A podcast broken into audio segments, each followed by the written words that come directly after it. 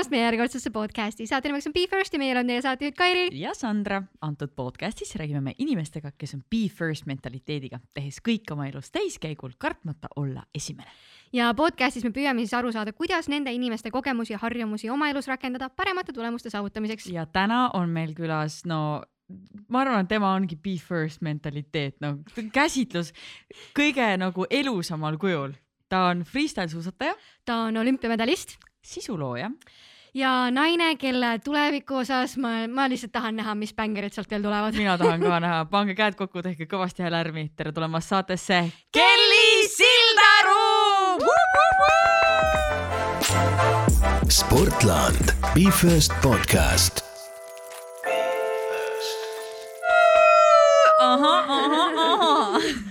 Kas me oleksime head cheerleader'id sul võistlusel kõrval seal? praegu tundub, tundub, et oleksite küll jah mm.. mõtle, kui kõva oleks, kui ma saaks nagu sama kiiresti tal kõrval sõita lihtsalt nagu cheer ida kogu aeg.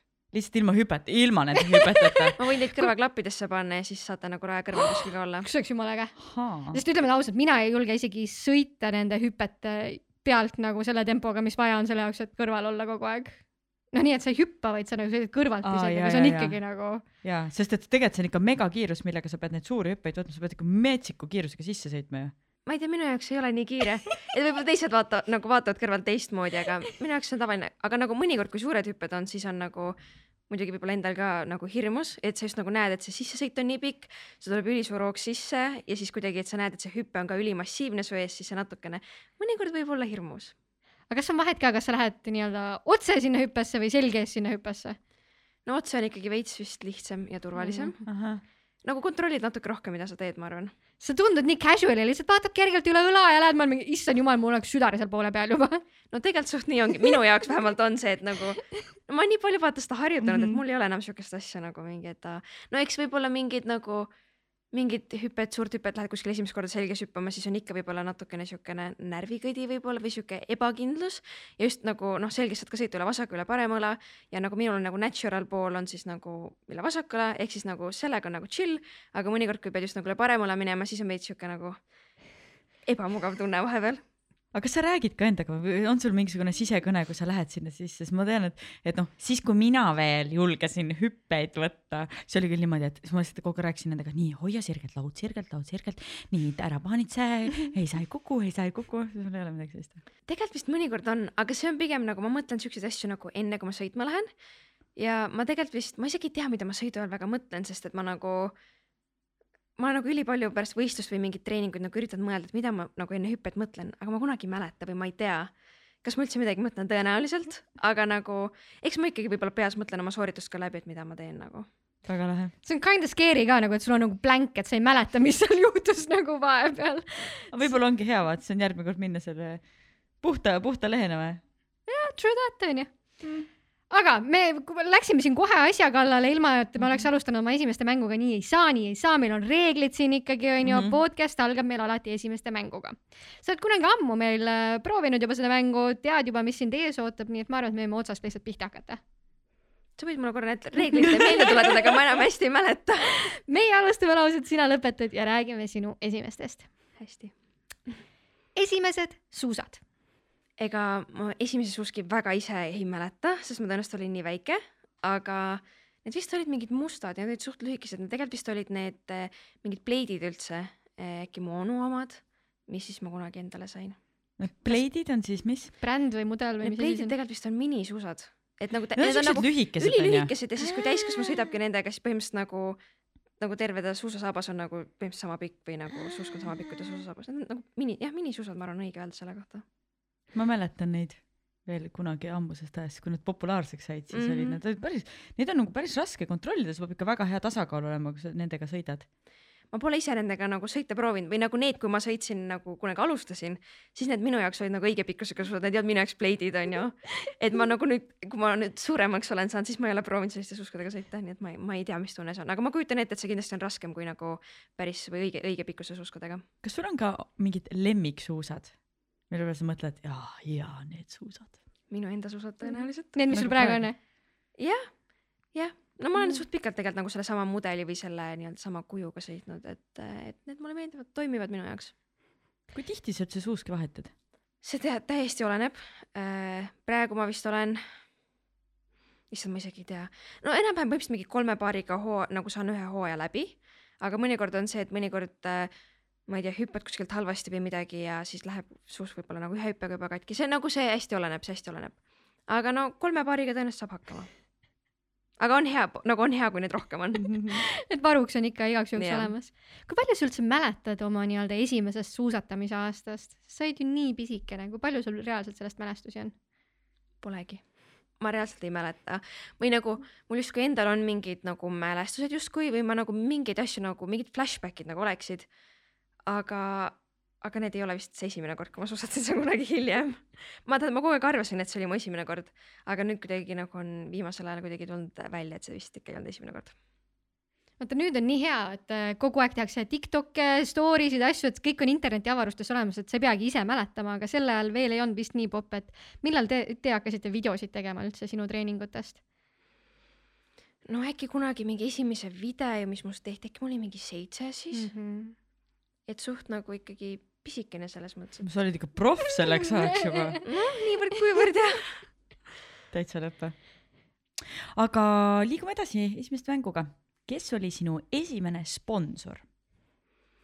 seda ma ka ei mäleta, ma ei ole üldse kindel, aga ma arvan, et äkki see oli suusasponsor, äkki K2. Mhm. täitsa võimalik, et võis olla, äkki ma olin ka siis mingi kuus või seitse, ma nagu mäletaks, et äkki ma käisin isegi lasteaias veel, kui mul äkki mingi oma esimesed K2 suusad sain. aga ma võib-olla mäletan täiesti valesti, ma ei ole üldse kindel. aga miks sa üldse brändi vahetasid, et kas ongi niimoodi, et nii-öelda üritatakse sportlast üle osta või sa ise lihtsalt avastasid mingi teise brändi? mm,. ega ühel hetkel vist tegelikult Faction hakkas mu vastu ise kuidagi huvi tundma äh,. pluss no tol hetkel oli see ka, et kuna ma olin nii kerge, siis mul olid hullud need mingid hoo ja kaaluprobleemid, et tegelikult ühel hetkel äh, K2 vist hakkas ka mulle mingi äh, spets mingi põhjaga või kiirema põhjaga suuski tegema, aga Faction ütles, et neil vist on võimalik teha isegi veel kiiremaid põhjasi, et siis see oli ka nagu üks nagu miks võib-olla me selle vahetuse tegime, lootes, et äkki see aitab mul rohkem hoogu saada või et äh, kui on äh, kiiremad suusad. mis nippe te veel kasutasite selleks, et, et sa saaksid hoogu juurde? ega seal vist ei olegi väga midagi teha nagu. raskusvest selga, mingi no siis vaata keha, vaata kui sa maandud, siis keha jälle ei pea nagu oma, või no ei ole harjunud vaata mingi lisaraskusega. Pluss nendest trikkide tegemine oleks äh, raskem kohe mm. aga. mõnedel on just hea, vaata, annab nagu inertsi juurde, et tõmbad. ma ei tea, mul küll ei tunne, et see aitaks. ma tegelikult olen Spot of Tallinnas uiskudega hüpanud jalaraskustega. et ta mingil hetkel, see sõltub võib-olla väga, mis sa teed, et kui mingit saltot teed, siis ta nagu sel hetkel, siis kui su jalad hakkavad ülevalt alla tulema, siis ta tõmbab sul nagu hoogu juurde. aga see ei pruugi ka alati nagu kasuks olla, kui sa tahad nagu seisma saada, siis on võib-olla keerulisem mm, -hmm. aga, aga ega midagi ei olegi teha, määrid suuski ja sööd rohkem äkki. ma ütlen ka, et hommikul söögiks krõpsu, õhtul söögiks krõpsu, küll need kilod tulevad. no ma ei tea, mul väga ei tulnud. tundub, et sul ei tule praegu ka, et, et äh, aga praegu ei ole sellist probleemi praegu. ei ole, no vaata, eks no praegu ma vist kaalun, ma arvan, kuskil mingi viiskümmend viis kilo midagi sinnakanti, et see on juba suht piisav, ma arvan, et tol hetkel ma arvan nelikümmend viis või midagi siukest, Mm -hmm. et või isegi või mingi hetk isegi kergem on ju, et, et ma noh, praeguse kaaluga nagu saab hakkama, et eks mõnikord on ikka raske mingites asjade kohtades hoogu saada hüpetes, et noh, kui mingid halvad ilmaolud on, aga noh, see tegelikult nii palju sõltub äh, su, ma ei tea, su sellest sõidustiilist, sest et mõnikord ma vaatan mäel mingeid tüdrukuid, kes tegelikult on nagu, ma arvan, kergemad kui mina, aga nad saavad rohkem hoogu, siis ma mõnikord mõtlen ka, et kuidas see nagu võimalik on. aga võib-olla ongi nad on väiksemad või siis mõnikord just, kes on nagu suuremad, noh siis on nagu justkui loogiline, et nad saavad rohkem hoogu, aga samas on ka suurem tuletakistus. aga see vist ülipalju sõltub nagu sõidustiilist ja kuidagi võib-olla nendest riietest, mis sul seljas on ja nagu kõigest. Oled käinud küsimas ka või? näed niimoodi, et vaatad, keegi teeb mingit asja, mõtled, no kuidas teeb seda, siis lähed sõidad juurde, jõu. ei ole vist.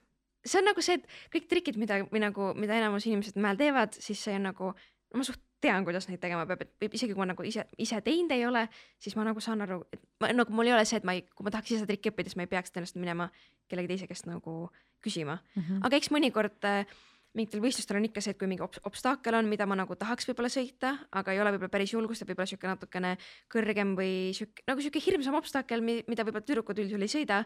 et siis oled küll mõnikord nagu mingi poisi juurde läinud ja küsinud, et kuule, et sa sõitsid seda, et, et, et kas oli raske või et kas sa seda trikki oled seal teinud või kas see trikk oleks tehtav või mis sa arvad, et, et mingit sihukest asja olen küll teinud. see on ikka täiesti teine maailm nagu, mis loogikad seal toimivad ja mis ei toimi nagu. aga räägime sinu esimesest medalist, sest neid on sul kogunenud ikka väga palju. jälle ma ei tea, millal mu esimene medal oli mu esimene võistlus vist kunagi oli, kui ma äkki viiene olin, see oli Eestis Männiku karjääris need mingid vettehüpped. ma võitsin seal naistevõistluse, ma nüüd ei tea, kas ma medali ka seal sain, aga et ma võitsin. ja siis pärast mingi võistlus oli veel Rootsis, kus ma võistlesin poistega, seal ma ka võitsin. ma mäletan veel sellega oli see, et ma nägin, et seal äh, enne võistlust, et seal kuskil all seal majas, kus need kõik auhindu seal oli mingi puldiauto, mingi komplekt või midagi siukest ja ma nägin seda, ma tahan seda, sain. aga no ma ei tea, kas selle medalina kirja läheb. oota, aga vettehüpped, mis see tähendab tavainimese jaoks, see tähendab seda, et sa hüppad kuskilt äh, mingi asja pealt, silla pealt vette. sinu jaoks vist oli see mingi muu asi. no suht sarnane, et aga nagu selles mõttes, et on ikkagi nagu sihuke rämp ehitatud, kus siis ongi nagu laskumine ja siis on sihuke hüpe ja siis maandud vette. nagu suuskadega? suuskadega jah. kas seda lumelauaga tehakse ka? lumelaugu saab ka teha jah. sa ei ole käinud või? ei, ma v- ettehüpetel või? meil on ju hull, pääst.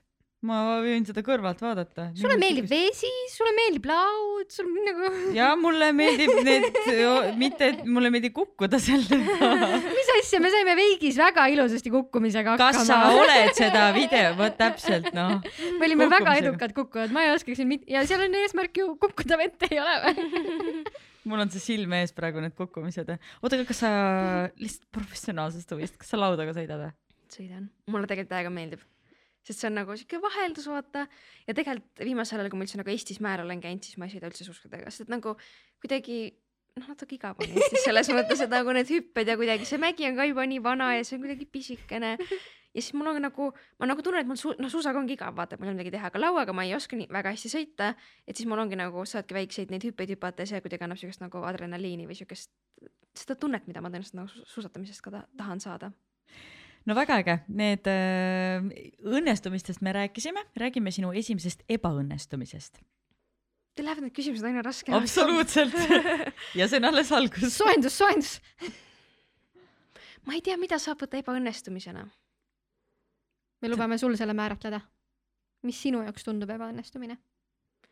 mul üldse ei ole nagu meeles mingeid nagu nooremast east mingeid ebaõnnestumisi, ega ma praegu ka nagu ei tea, et ma oleksin kuskil nagu niimoodi ebaõnnestunud, et ma tunnen ise, et ma oleks kuidagi hullult ebaõnnestunud. võib-olla mingi asi, mida saaks võtta võib-olla ebaõnnestumisena või mis on sihuke võib-olla nagu halvem asi, võib-olla see, et kui ma neli aastat tagasi oma seda põlve vigastasin. aga ma ei ütleks, et see ka ebaõnnestumine otseselt oli, see oli lihtsalt nagu halb asi, mis minuga juhtus. mulle tundub, et, et sina võtsid seda nagu leebemalt kui kogu muu Eesti spordi, spordirahvas. Sest et sorry see oli ikkagi nagu national tragedy, tragedy, tragedy, mis see sõna on, tragedy. et see oli ikka nagu, ma mäletan, üks spordirahvas elas seda, ma isegi elasin seda nagu niimoodi, ma mõtlesin, oh my god, mis nüüd saab. et äh, see on väga huvitav, et sina seda nii võtsid, aga, aga miks sa ütled, et see ei, et sa tõid selle nagu korraks välja, aga ei, sa ei pea seda ebaõnnestumiseks? ma tunnen, et ebaõnnestumine võib-olla minu jaoks oleks mingi asi, kui ma ise ei saa millegagi hakkama. et nagu noh, see vigastus tuli ka küll selle tagajärjel, et ma nagu kukkusin, aga minu spordis on justkui nagu kukkumine tavaline, et sa ei saa igat kukkumist võtta ka ebaõnnestumisena nagu. ehk siis tõenäoliselt sellepärast, et sellest oli mingi kukkumise tagajärg, aga see kukkumine ise ei olnud ebaõnnestumine. mm. -hmm. aga mis see, mis see kukkumine andis sulle või mis see protsess andis sulle? Kõigepealt hästi palju see nagu terve see taastusravi nagu hästi palju kannatust, distsipliini äh,, pluss ülipalju ma õppisin oma keha tegelikult tundma ja tajuma, kuidas mu keha toimib, mida millegi jaoks vaja on. kuidagi jah, just oma, oma keha kohta õppisin nii palju nagu uusi asju. kas sa täna kuidagi võistlustel aeg-ajalt hoiad ennast natuke rohkem tagasi ka või ei ole tekkinud mingit nii-öelda hirmu, et ei tahaks seda uuesti läbi elada? ma peaaegu juba elasin selle ühe korra uuesti läbi, see vist mm. -hmm. oligi eelmisel aastal äkki. Ka X-Gamesil, kui ma äh, hüppasin nukki ja ka kukkusin. ja siis tegelikult mul alguses, kui ma läksin sinna, ma sain nagu tõusin püsti, ma tõusin ise püsti, sõitsin ise alla, aga ma sain kohe aru, et mu põlvega on midagi mäda nagu. et põhimõtteliselt see oli noh, suht sarnane tunne mul tekkis kohe, kui pärast seda, kui ma Maatselli katki kukkusin Uus-Meremaal. ja, ja ma ei läinud starti, me läksime ka sinna kuskile nii-öelda medical telki sisse kontrolli ja siis mulle seal ka katsuti mu põlve, öeldigi, et tõenäoliselt on ACL katki jälle. Ehk siis ma, siis kõige hullem oligi nagu lihtsalt nagu see mõte, et üheksa kuud lihtsalt jälle nagu tuima mingit tööd. aga siis ma läksin Eestisse siis tegin MRT ikkagi, õnneks ei olnud ACL katki. no mul oli vist ikka mingi venitus oli, et ma nagu vist kaks-kolm kuud ma pidin nagu rahulikult võtma, aga no vahepeal ma pidanud mingit operatsiooni tegema, et selles mõttes oli nagu, oli nagu selles mõttes läks hästi mm. -hmm. aga, aga jah, muidu nagu ma sõites pigem väga selle peale ei mõtle, nagu see põlv on küll helem ja vastuvõtlikum kõikidele põrutustele ja vigastustele kui mu nagu teine põlv. et selles mõttes seal on ülilihtne nagu haiget teha aga teed sa midagi oma treeningutes teistmoodi nüüd? Mm, veits vist ikka, ma arvan nagu selles mõttes, et äh, võib-olla kõige rohkem, mis mu treeningus on muutunud, on ka see, et või nagu, et hooajavälisel ajal siis mul on nagu, ongi mul sihuke üldkehaline ettevalmistus, kus ma käingi nagu, ma ei tea, mitu korda nädalas jõuks ja tere, nagu teen nii-öelda äh, eesmärgipõhisemalt rohkem trenni. Et kui muidu lihtsalt oli see, et ma käisin lihtsalt jõuksis või trennis kuskil tegin midagi, aga et siis nüüd ongi sihuke nagu kindlam nagu treeningplaan, et ja just vaadatagi, et mis mul need nõrgemad kohad on ja mida peaks nagu rohkem treenima ja tugevdama kes sul äh, selles osas abiks on või sa teed seda kõike ise? Äh, mul on äh, Ott-Erik Kalmus, kes siis teeb mulle neid jõusaalikavasid. mille järgi sa üldse valid nii-öelda treenerid, kellega sa koostööd teed või üldse nagu oma meeskonda? sest ilmselgelt tippu jõudmiseks on vaja väga tugevat meeskonda enda kõrvale. No selle tema me leidsime tegelikult niimoodi, et ta on Mihkli vist mingi lapsepõlvesõber enam-vähem, et kes siis nüüd nagu ta vist õppis Inglismaal ja nüüd teeb vist praegu doktorit isegi mm -hmm. Eestis. tähendab, igatahes Mihkli sõber ja Mihkel ütleski, et proovime ja kuidagi nii see läkski. et kohe klappis? jah, või nagu ma usaldan Mihklit ja nagu kui, nagu ma arvan, et Mihkli sõbrad on suht sama maitsega või olemuselt samasugused nagu Mihkel või nagu sarnased mm, -hmm. et siis nagu ma arvan, mul on nendega ka nagu lihtsam nagu klappida. No ilmselgelt vigastusest välja tulemine on paras eneseületus, aga mis oli esimene eneseületus sinu jaoks? ma nagu mul ei tule ühtegi asja nagu meelde jälle, kui ma olen nagu noorem olnud.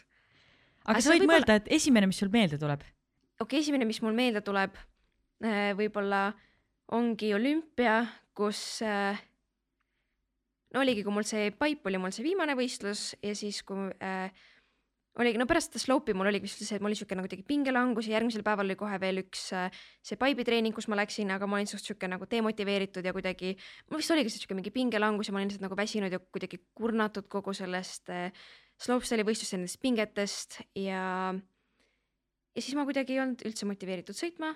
Äh, ma lõpuks nagu võtsin suht rahulikult seda päeva, mingeid asju tegin ära aga siis ma arvan, et eneseületus oligi see, kui ma, kui ma nii-öelda kvalifikatsioonipäeval läksin ja suutsin nagu kõik või nagu oma asjad ära teha. kas sul tuleb tihti ette siukseid võistlusi, kus sul ongi nagu, et tegelikult ma ei viitsi, miks ma siin üldse olen? -hmm. see täiesti sõltub, pigem nagu ei ole, et nagu veits tekib, sihuke asi võib-olla tekib vahel siis, kui äh, sa pead ülipikalt olema ühes kohas ja kui sul ongi hästi nagu tihe graafik, no näiteks X-Gamesil, kui sa teed, nagu ma olengi, ma ei tea, kolme võistlust teinud äh,, ma ei tea, mingi kolmekümne tunni jooksul. ja siis ka nagu terve nädal või kui need kaks-kolm-neli päeva enne, kui sa võistlust treenid, siis sa oled ka kogu aeg ühes kohas ja sa treenidki üheksa tundi päevas. hommikul kõigepealt slopestyle, siis teed big-air'i, siis teed pipe'i ja sellest ongi nagu iga päev lihtsalt nii palju nagu nii kurnav ja nagu ikkagi see, kui sa nagu pead hommikust õhtuni põhimõtteliselt oma noh, see ei ole lihtsalt treenimine, vaid see on see, et sa pead oma võistluskavasid kokku panema, nagu peadki mingil määral ennast ületama, võtma kokku ennast, et siis see kõik lihtsalt on nagu nii koormav, et lõpuks mingi teisel-kolmandal päeval juba ongi siuke tunne, et ma lihtsalt nagu ei jaksa, ma tahaks nagu koju minna. aga miks sa teed siis kõiki neid, miks sa lihtsalt ei vali ühte ala ja ei tee seda? mul on nii halb otsustamises, ma ei suuda nagu valikut teha, sest nagu, nagu kõik asjad tulevad mul, ma arvan, hästi välja ja siis ongi nagu see, et miks ma peaksin nagu ühe asja nagu ära jätma, kui ma võin kõiki kolme teha ma nüüd tegelikult olen mõelnud, et äkki valida nagu teha mingi valik, aga, aga noh, samas noh, tegelikult juba sel aastal X-Gamesil ma Bigeri kaasa ei teinud, noh, oligi selle mõttega, et, et natuke nagu ennast säästa, oma vaimu säästa ja pluss ka, et ka olümpia on kohe tulekul, et siis ma ei koorma oma keha nagu üle. Äh, aga samas, kui mingid muud võistlused on MK-etapid, siis on niikuinii see, et tavaliselt nagu need kolm võistlust ei ole kõik äh, ühel ajal samas kohas, et siis on ka noh, noh kergem seda teha no ma tahan kindlasti kuulda pärast just nagu selle X-Gamesi kohta, no me räägime kindlasti ka olümpiast ja kõigest, kõigest muust, aga, aga noh, huvitav oleks teada, et kuidas see, mis, mis seal nagu siis see, sees toimub, aga äh, enne seda tõmbame kokku meie esimeste mängu, esimest mängu ja viimane küsimus, ma ei tea, kas läheb kergemaks või raskemaks, aga esimene õnnepisar. esimene õnnepisar vist oli siis, kui ma oma esimese X-Gamesi võitsin. võib-olla see oli juba ka siis, kui ma oma esimese tuutri võitsin aga siis ma arvan, et siis see pigem kuidagi ei olnud nii suur, no ta oli suur asi, aga kuidagi X-Gamesil see, ma arvan, kogu see võitmine nagu hittis teistmoodi, sest kuna alguses ka mul olid hullud hooprobleemid ja kuna võistluspäeva või finaali öösel sadas siis lund, siis ma olin hommikul suht kindel, et ma ei saa isegi hüpetes hooga ja ma ei saa võistelda.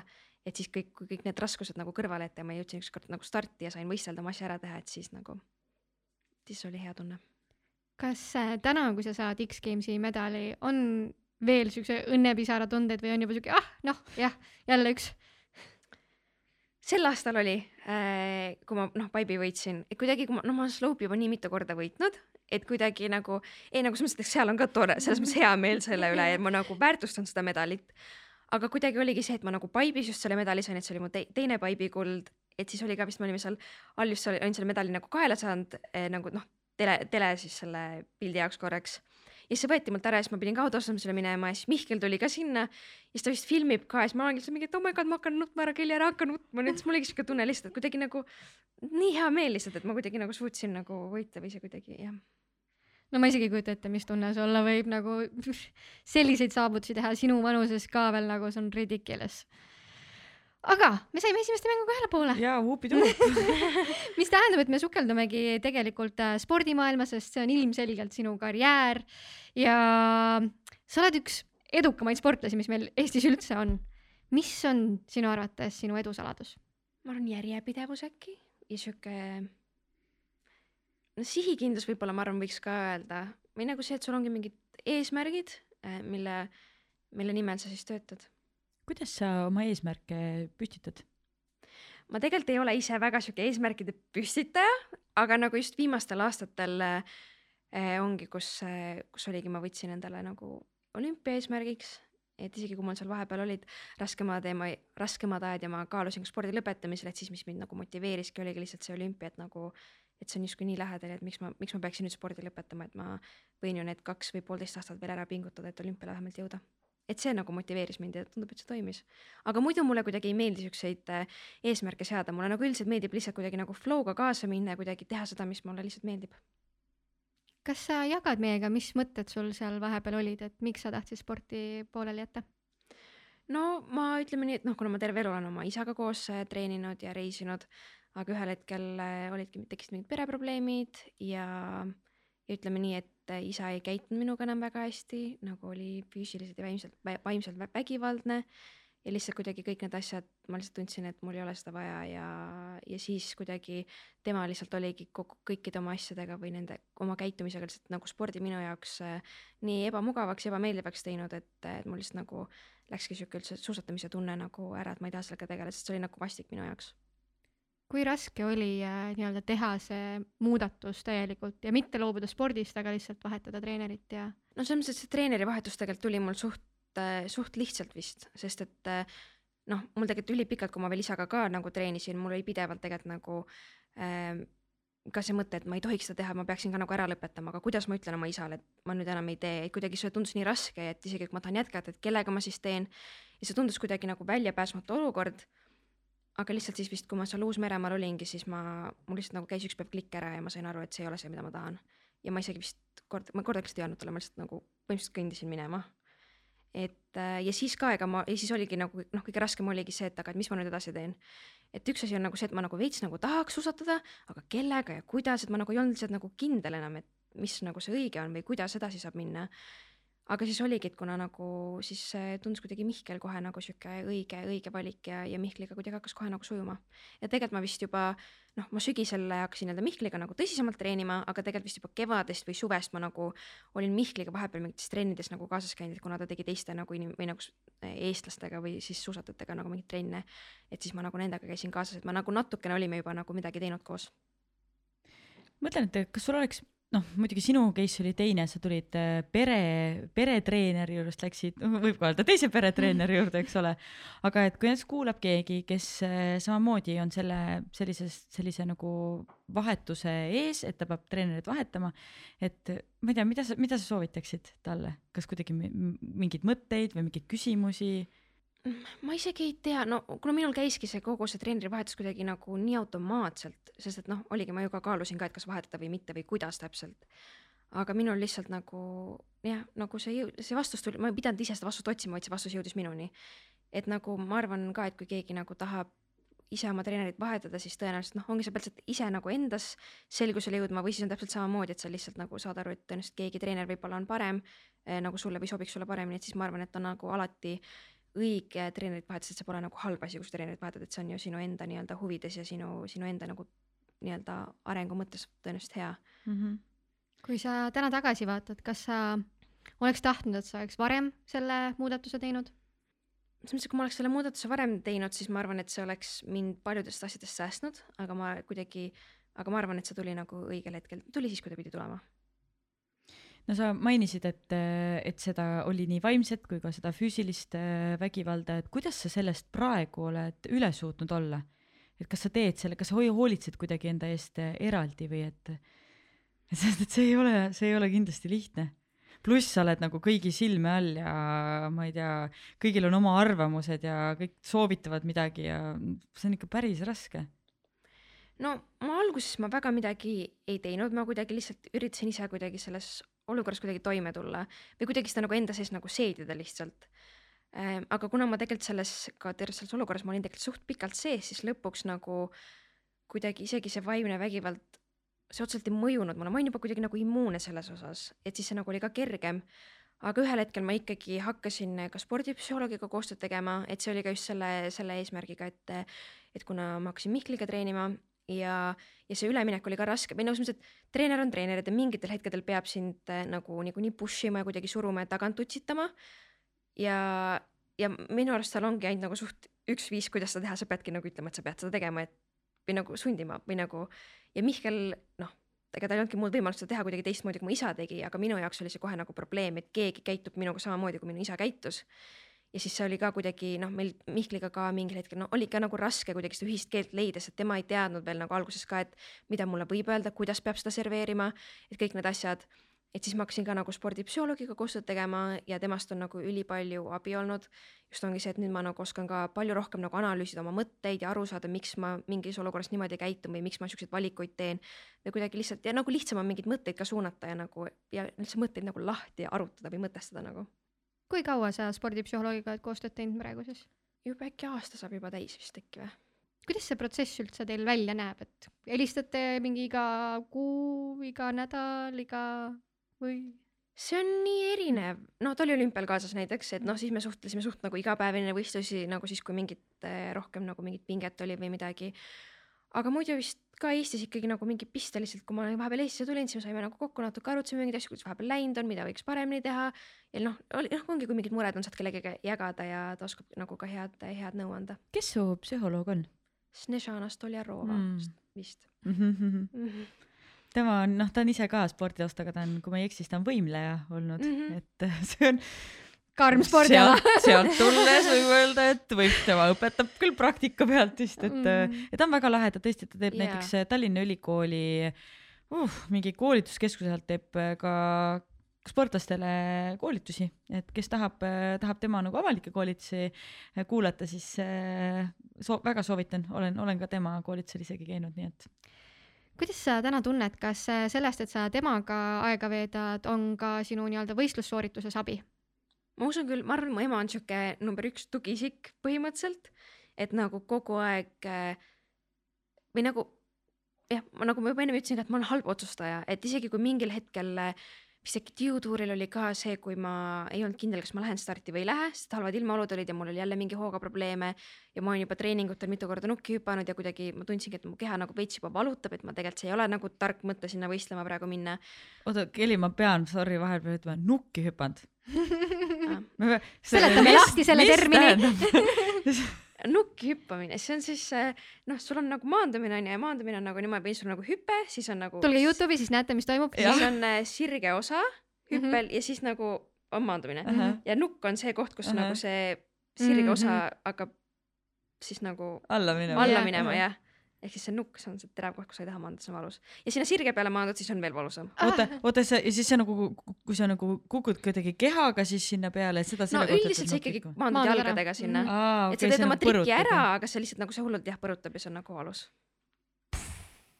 okei, nii, aitäh selgitusest. Äh, ja siis oligi, et nagu ma tegelikult isemas sisemas nagu tundsin, et ma nagu, et see ei ole tark mõte nagu võistlema minna, aga ma ei suuda ise seda otsust vastu võtta, vaid ma helistasin oma emale, ma mingi, et mis sa arvad või kas on okei okay,, kui ma ei lähe või ma kuidagi nagu tunnen, ma nagu, ma ei taha, et ma pean luba küsima, aga see on veits et ma tahan nagu mingit heakskiitu vaata saada või keegi, kes nagu toetaks minu seda nagu mõtet, pluss nagu emaga nagu ma räägin me saame nii hästi läbi, et ta põhimõtteliselt on nagu mu sõbranna. et ma nagu võin talle ükskõik millest rääkida ja siis meil on alati see ka, et kui võistlus läbi saab, siis ma alati esimese asjana helistan oma emale aga kuidas täna on, kas ta reisib sinuga kaasa ka või? Ta praegu pole nüüd reisinud, sest et mul on koer ja keegi peab koeraga kodus olema. tegelikult algselt oli mingi mõte, et ta tuleb olümpiale, aga siis ta ei tulnud.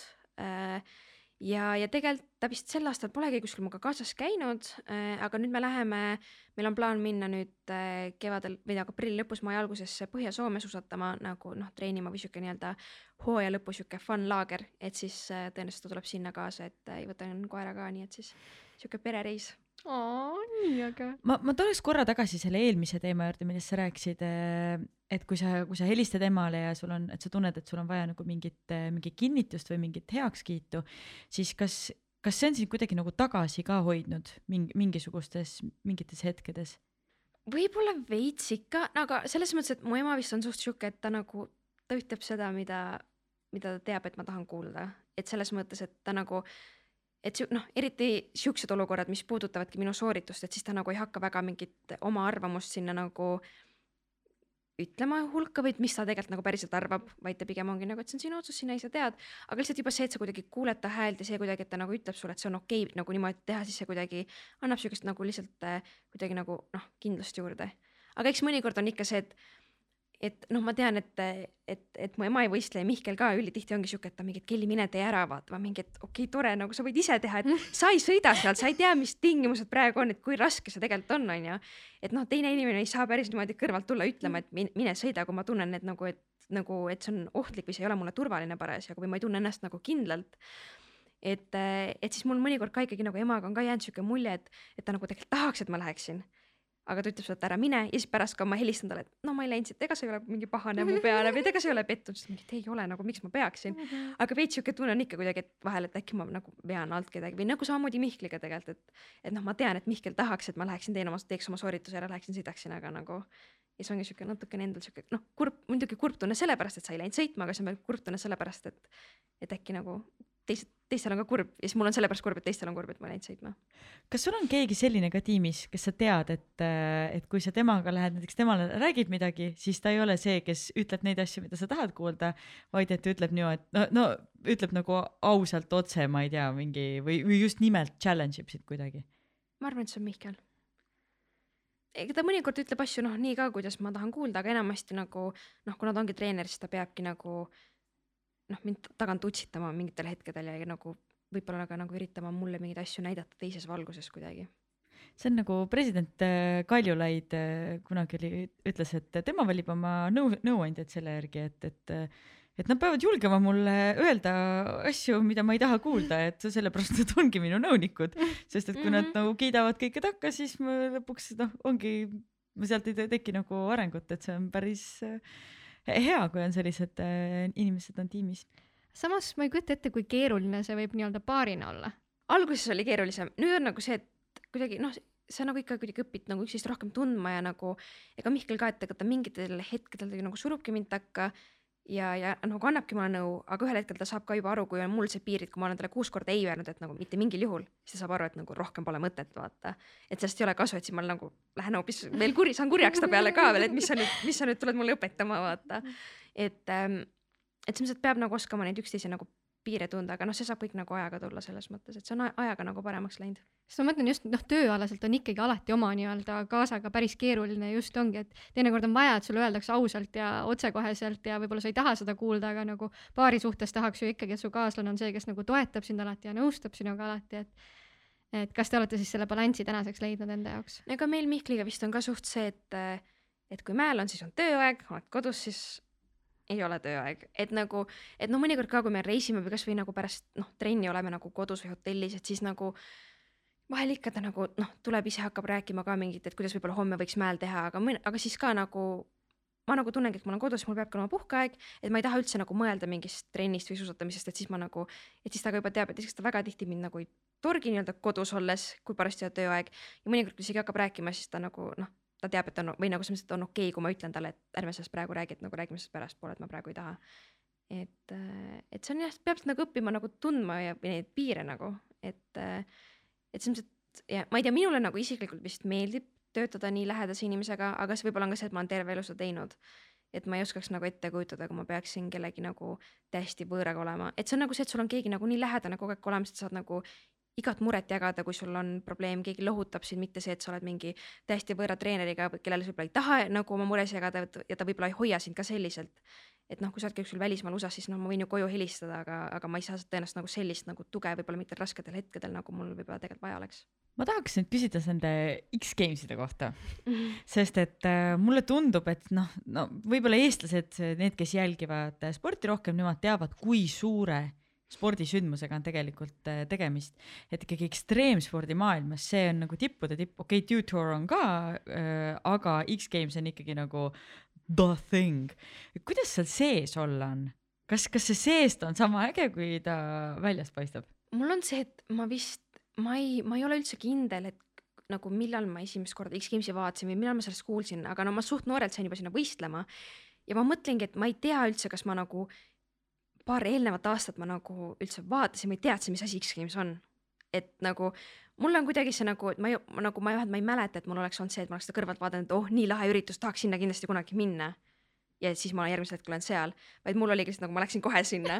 tõenäoliselt lähme. et selles mõttes, et see on nagu lahe üritus nagu noh, ma räägin nagu X-Gamesil on alati nagu korralduse mõttes kõik on nagu nii super nagu võrreldes teiste mingite võistlustega, noh, tiutur on ka suht samavääriline, aga ju- juba X-Gamesil lihtsalt kuidagi nagu ongi see rahvamass, mis tavaliselt seal võistlustel kohal on, et nüüd vist viimasel kahel aastal on vähem olnud just nagu Covidi tõttu, aga noh, muidugi oli, muidu oligi, sealsamas äh, võib siis nagu mäe, mäe, samas seal samas mäe peal, aga nagu raja kõrval oli ju suur lava ehitatud, seal õhtuti esinesid mingid artistid, ehk inimesed tulidki õhtul, vaatasid mingi võistluse ära seal on ju, läksid pärast nagu kontserdile, et see rahvamass on lihtsalt nagu meeletu, mis seal on, et see ongi sihuke nagu, see on nagu show või sihuke show mm. -hmm. nagu see on, see on, see on täiega cool.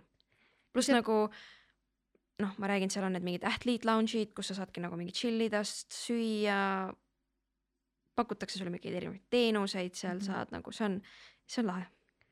Kui soovit- sa-, soovitan tulla teil kunagi. oi, mina vabalt, võta kaasa, ma võin olla massöör või mis, mis, keda sa Cheerleaderid ei, ma võin sotsmeediat hallata kui sa peaksid täna võrdlema X-Gamesi ja olümpiat, siis mis on nende kahe kõige suuremad erinevused? või on nad tä- täiesti kaks erinevat ooperit? Nad on ikka vist kaks täiesti erinevat asja nagu, et no olümpia, noh, olümpia on obviously suurem ja just võib-olla no sportlase seisukohalt või minu seisukohalt vähemalt ma arvan, et nad on nagu suhteliselt samal levelil kuidagi, aga see võib-olla tuleb ka sellest, et terve aeg on nagu räägitud, et, et X-Games on nagu ekstreemspordis olulisem kui olümpia. aga kuna ma olen nagu, kuna meil oli esimene olümpia, siis mul ei ole siukest võrdlusmomenti, aga noh, praegu tundub, et need on suht võrdsed ka nagu või, või olümpia isegi natuke tähtsam. aga mina ikkagi, ikkagi tunnen, et, et nad on nagu suht samal levelil, aga just ma tunnengi, et inimestel kuidagi või, või just nagu rahvale tähendab olümpia midagi, midagi hoopis midagi muud. ja pluss nagu see, kuidas kaasa elatakse ja, ja et see on, see on, see on midagi, see on midagi muud. Äh, kuidas meil järgmise olümpia ettevalmistusega läheb? see on mingi üks kõige populaarsemaid küsimusi praegu, mida mult küsitakse ähm,. ma ei, ma, ma tead, ma pole veel seda hooaega veel äh, nagu ära teinud, et mu eesmärk ongi see, et ma teen, saan selle hooajaga ühele poole, siis ma tahaks korraks natuke hinge tõmmata ja siis hakkan enda tulevikuplaane tegema, et ma ei ole sihuke, nagu ma ütlesin ka, et ma ei ole sihuke, kes hullult mingeid endale eesmärke seab ja eriti veel niimoodi nelja, nelja aasta taguseid, et nagu ma võtan rahulikult. mis sinu jaoks kõige kummalisem asi olümpia juures oli? lisaks nendele minionitele. kummalisem, üks kummaline asi, mis oli, oli see, et mingi viimastel päevadel, kui me seal olime, hakkasid kõik nagu need kohalikud vabatahtlikud olümpial Mihkli vastu huvi tundma. nagu reaalselt ta ei saanud sööma minna, sest tal pikk oli, blond poiss, come on. kõik ütlevad seda, aga miks nad alles nagu viimastel päevadel huvi tundsid ja seal on teisi pikkasi poisse, nagu pikkasi blonde poisse ka ja nagu noh, ta ei söö, ta ei saa sööma minna, sest tal on järjekord, et temaga pilti teha, teha nagu. see oli väga kummaline, aga me veits endale tundus, et see sai alguse sellest, kui üks tüdruk ütles, et tal on homme sünnipäev ja ta küsis vist, et kas ta võib äh, mingi meiega või vist Rauno ja mingit, ma ei tea, mitmekesi nad tegid seda videot, aga küsis, kas ta võib nendega videot teha ja siis ta tegi videot, nagu kus nad siis soovisid talle palju õnne sünnipäevaks ja pärast seda läks asi käima. ehk ei ole välistatud, et ta postitas selle kuskile ja siis see võib-olla läks vairaliks, ma ei kujuta ette, mis seal toimuda võis aga see oli lihtsalt väga huvitav, kuidas järsku nagu kohalikel oli väga suur huvi Mihkli vastu. Mihkel on salakuulus Hiinas jah, ma ütlen, sa saad oma olümpiamedali ja siis tehakse peikaga hoopis pilti nagu, mis mõttes? ei no mul oli vahel siukest tore vaata olla nagu tähelepanu keskpunktist nagu eemal, et äh, aga jah, ma mõtlesin ka, et nagu ütlesin ka Mihklile, et nagu peaks küsima nende käest, et miks te teete minuga pilti või nagu, et kust neil see info tuleb või miks, miks nad järsku nagu Mihkli vastu huvi tunnevad, ma ei tea. aga kui me juba si sisu loomisest äh, rääkisime, siis äh, noh, sinu sotsmeediakanalid on ka ikkagi väga-väga suure jälg jälgitavusega. et kui oluliseks sa üldse pead seda, et ühel sportlasel peaks olema tugev sotsmeedia olemus ma ei oska niimoodi öelda või nagu mulle isiklikult nagu meeldib seda teha ja ma arvan, et see on nagu hea, hea viis, kuidas oma koostööpartnereid reklaamida ja samamoodi ka oma nii-öelda fänne oma tegemistega kursis hoida. et selles mõttes, et noh, kindlasti soovitan, et nagu, aga see on ka vist nagu nii erinev, et mõndadele üldse nagu ei meeldi, noh, seda oma sotsiaalmeediat nagu hallata, teistele jälle meeldib, et see on ka nagu sihuke, et eks igaüks peab nagu enda jaoks selle mingi õige asja leidma, aga, aga ma arvan, et see kindlasti nagu on kasulik. mis sul endal kõige lemmikum sotsiaalmeediakanal praegu on? Ma arvan Instagram. Instagram uh,, ma oleks oodanud millegipärast Tiktoki vastuseks.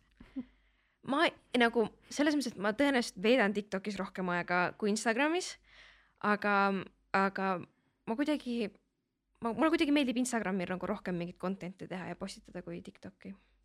kas sa täna haldad kõiki oma kanaleid ise või on sul abikäsi ka? noh, ma arvan, me Mihkliga igas asjas suht sihuke tiim, et nagu kasvõi kui ma Instagrami mingit pilti panen, siis eh, no ma ei küsi päris lubade käest, et kas ma panen selle pildi või kui mingi valida, vaata, ma olen kaks mingi erinevat töötlust teinud, siis ma mingit kumm näiteks või mingit, ah, mis ma caption'iks võiks panna või mingi, no küsin nagu mingit siukse, siuk-, siukest nõu. Eh, no Youtube'iga on see, et Youtube'i videoid tema filmib enamasti ja ta paneb need ise kokku ja siis noh, ja siis Youtube'i paneb üles ka mõnikord tema, mõnikord panen mina, et see on siukene nagu erinev. Ja tegelikult TikTok'i teeb tema et ma nagu või no ma olen vist mingid üksikud Tiktokid teinud, aga selle noh, aga kuidagi ma nagu, ma kuidagi ei feel'i seda Tiktoki sinna, selle content'i tegemist, see tundub liiga keeruline või see on nagu liiga palju tööd, et mul on nagu niigi palju kohustusi, et mul ei ole nagu aega kuidagi, et või nagu ma ei, ma ei, ma ei taha võtta seda aega, et mingit content'i sinna teha. ma ei tea, Instagram tundub nagu loomulikum mm -hmm. lihtsalt mulle tundub, et see Mihkel on vaata see nagu one man band, et tal on mingi need asjad on käes ja siis samal ajal teeb peaga teeb seda, mängib trummi, jalaga mingi uus asi ja mingi viiulit mängib, et ulme vend. no ta jõuab, ta jõuab kõike teha ikka jah, no kui tahtmist on, ega nagu noh, ega mul endal ju tegelikult noh, suht samamoodi, et nagu ka, et meil noh, Eestis ju ei ole ju väga suurt nagu selles mõttes koondist, et kui me reisil käime, et siis me teeme ju ka nagu kõik asjad nagu ise ära, et Mihkel määrib suuski, ma teen samal ajal süüa või vastupidi, no vastupidi vist nagu tihti ikkagi ei ole. aga, aga mõnikord tuleb ette seda, et ma teen midagi kolmandat, ta teeb süüa hoopis onju, Mhm. et see on nagu jah. mina tahan ikkagi selle No. Tiktoki eduvalemi kohta No. küsida, aga ma nüüd ei tea, kas ma peaks Mihkli käest küsima, et siin olümpial sa ikka korralikult buumisid, et mis sa ise arvad, et äh, mis see nii-öelda eduvalem oli, et äh, Tiktokid olid ikka päris korralike vaadatavuste ja kaasatustega. Ma räägin, ma ei, ma ei tea Tiktokist väga midagi, selles mõttes, et Mihkel postitas neid videoid ja see nagu noh, see oli ka see, et eh, Mihkel juba üks nagu suht pikalt oli mulle rääkinud, et Kelly, et sa võiksid nagu Tiktoki ka teha, vaata. mingi, et no jaa, ma tean, aga nagu üldse nagu ei viitsi ja ei taha. ja siis Mihkel ühel päeval oligi, et aga nagu, et kas ma võin ise teha, ma mingi davai, mul pole probleemi. nagu et ja siis ta hakkaski tegema, et nagu seda peab jah Mihkli käest küsima, ma... Sandra, pane listi, meil on Mihklit ka vaja siia mingi hetk, et seda arutada.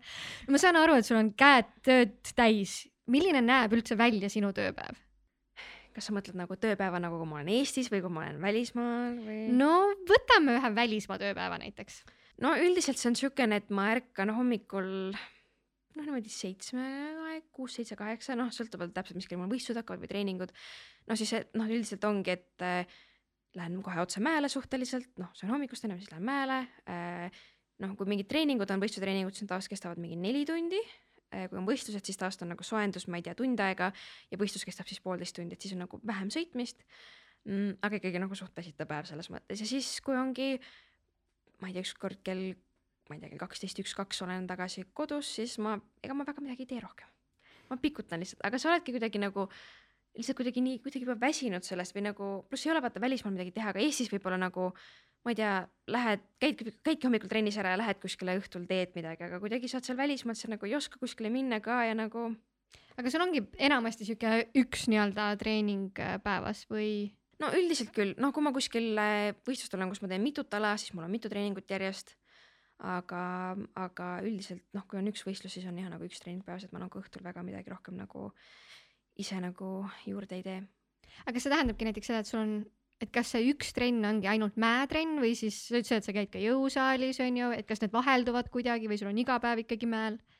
no kui ma välismaal olen, siis olen suht ikkagi iga päev mäel, et noh, praegu ongi noh, mingi oktoobri lõpust saadik ma põhimõtteliselt olen nagu ära olnud niimoodi, et kolm nädalat reisil, nädal Eestis ja nagu siukse, siukse vahega umbes ähm, ja ega, et siis kui ma Eestis olen, siis ma olen ka noh, põhimõtteliselt kolm nädalat nagu järjest põhimõtteliselt iga päev sõitnud, siis ma tulen ka Eestisse, ma, ma puhkan, ma ei lähe kohe jõuksi.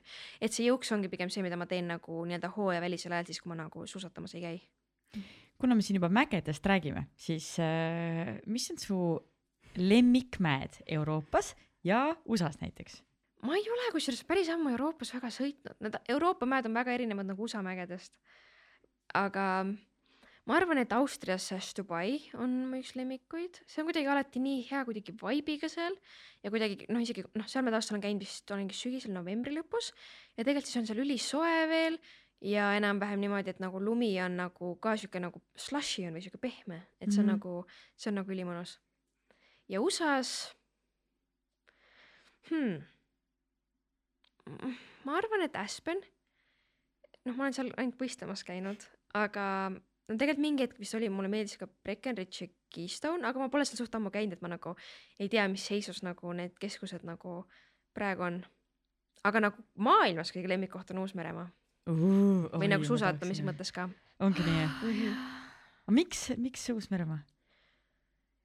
Äh, ma ei tea, seal on nagu esiteks ka kuidagi see, et äh, see park on ülihea seal, seal on nagu ka paip olemas, seal on nagu kõik olemas, ringi saad teha tolldõstukiga ehk nagu jalad puhkavad, kui sa üles lähed. Ja kuidagi üldse see kommuun või seal on nagu nii palju nagu põhimõtteliselt ongi kõik Uus-Meremaa nagu top sõitjad või Uus-Meremaa kõik sõitjad vist nagu ongi suht sealtsamast keskusest pärit. ehk siis, kui sa lähed sinna, siis nagu, pluss ma olen nii palju käinud, et mul on juba mingid sõbrad seal ja nad on kogu aeg seal, siis see on kuidagi nagu fun ja, ja samamoodi ka, et noh, taas, kui me lähme sinna ma ei tea, septembris või augusti lõpus, siis neil hakkab ju kevad just. ehk siis ka nagu ilmad lähevad soojaks ja sihuke nagu mõnus lihtsalt. ja pluss nagu üleüldiselt nagu Uus-Meremaa ongi sihuke nagu ilus koht, inimesed on toredad. noh, kui ma peaksin valima Euroopa, USA ja Uus-Meremaa vahel, kuhu ma läheksin, ma läheksin Uus-Meremaale tõenäoliselt. taaskord oleme valmis kaasa tulema, et äh, on sul veel mingi kanaliga abi vaja sa enne mainisid seda, et kui sa nüüd mäele lähed, onju, ütleme võistlusperioodil, siis sa pead seal välja mõtlema ka oma nii-öelda võistluskava. kuidas sa seda üldse kokku paned ja kui oluline see on nii-öelda skoori saamisel? no mida parem kava on, seda parem skoor tõenäoliselt ähm,. no mis teeb kava nagu heaks, mis on see parem kava? mida tehnilisemad trikid, raskemad Mm. trikid. noh, sellega taust on ka see, et äh, no üldiselt noh, hüpetel on alati suht kindel, mis trikke ma teen. noh, kas siis see switch tonnid või mingi otse üheksa, et see sõltub ka täpselt, et mitu hüpet on mm,. ma nii väga tahaks küsida. mis asjad need on? ma tahan, et ta näiteks, Youtube'is me saame panna videosse ju vaata, Patrik, palun äh, otsi välja Kelly mõnest blogist, nii, mis selle nimi on? äh, switch tonnid, mida ma teen Switch vasakule ja paremale selge ees. Switch tuhat kraadi, nii, otsime välja, nii paneme ja siia siis- Youtube'i videosse. ja siis, mis ma nagu otse, mis ma vastu teen, on näiteks kork üheksa. kork üheksa, otsime välja. mind ei aidata sellega, kui vaja on. Yes please. et, et noh, mõnikord nende trikkide järjekord muutub või mõnikord teed näiteks tonni asemel teed näiteks üheksa hoopis, et see sõltub ju täpselt see, et et eh, võib-olla, et noh, mõnikord rada, rada algab reilidega, mõnikord lõpeb, mõnikord on alguses ja on lõpus, et siis peadki nagu hakkama vaatama, et noh, kui hüpped enam-vähem on kindlad, mis sa teed, et siis saadki vaadata, et okei okay,, et kui ma pean esimesse hüppesse minema selge see tähendab seda, et ma pean kindlasti sellelt reililt, mis enne hüpet on, tulema selges maha. ja siis hakkadki nagu niimoodi vaatama, et mis oleks kõige raskem trikk, mida ma sellel reilil suudaksin teha ja ma tuleksin selges maha. ja siis mõtled, okei okay,, see trikki saaksin teha, aga mis ma siis esimesel saaksin teha ja siis sa mõtled samamoodi, et aa, et aga viimasest hüppest näiteks ma toon otse või selge ees, et siis see tähendab ka seda, et ma pean viimasele reilile minema selge ees või otse, et mis ma siis saan teha. et sa niimoodi hakkadki mõtlema ja tihti ongi see, et sa hakkad midagi proovima, aga saad aru, et see on liiga raske või see ei tule välja, siis pead muutma kava või mõnikord tuleb jälle nagu kohe liiga kergesti välja, et saad aru, et tegemist noh, et tõenäoliselt võib ka proovida midagi raskemat teha. et, et see ongi sihuke, mõnikord saad alles oma võistlussõidu nii-öelda valmis vahetult enne võistluse algust aga sa teed seda ikkagi siis koha peal, et sa ei tee enne nagu mingisugust äh, eeltööd, ei guugelda, vaata Google Maps'ist, aa, aa, okei okay,, seal on nagu need reilid. päris nii vist seda vaadata ei saa. see oleks päris hea. see rada vaata muutub kogu aeg ehm,. aga, aga muidu no mingitest võistlustest mõnikord tulevad mingid kavandid ennem välja ja mina olen siuke, kellele ei meeldi jällegi asju ette planeerida ja seal vaadata, et mida ma tegema lähen. Mihkel jälle vastupidi on iga kord, et ei vaata, siit saaks seda teha, ei oota-oota, siit saab hoopis niimoodi teha. siis ma ütlen talle iga kord, ma ei taha teada, ma lähen koha peale, ma vaatan siis.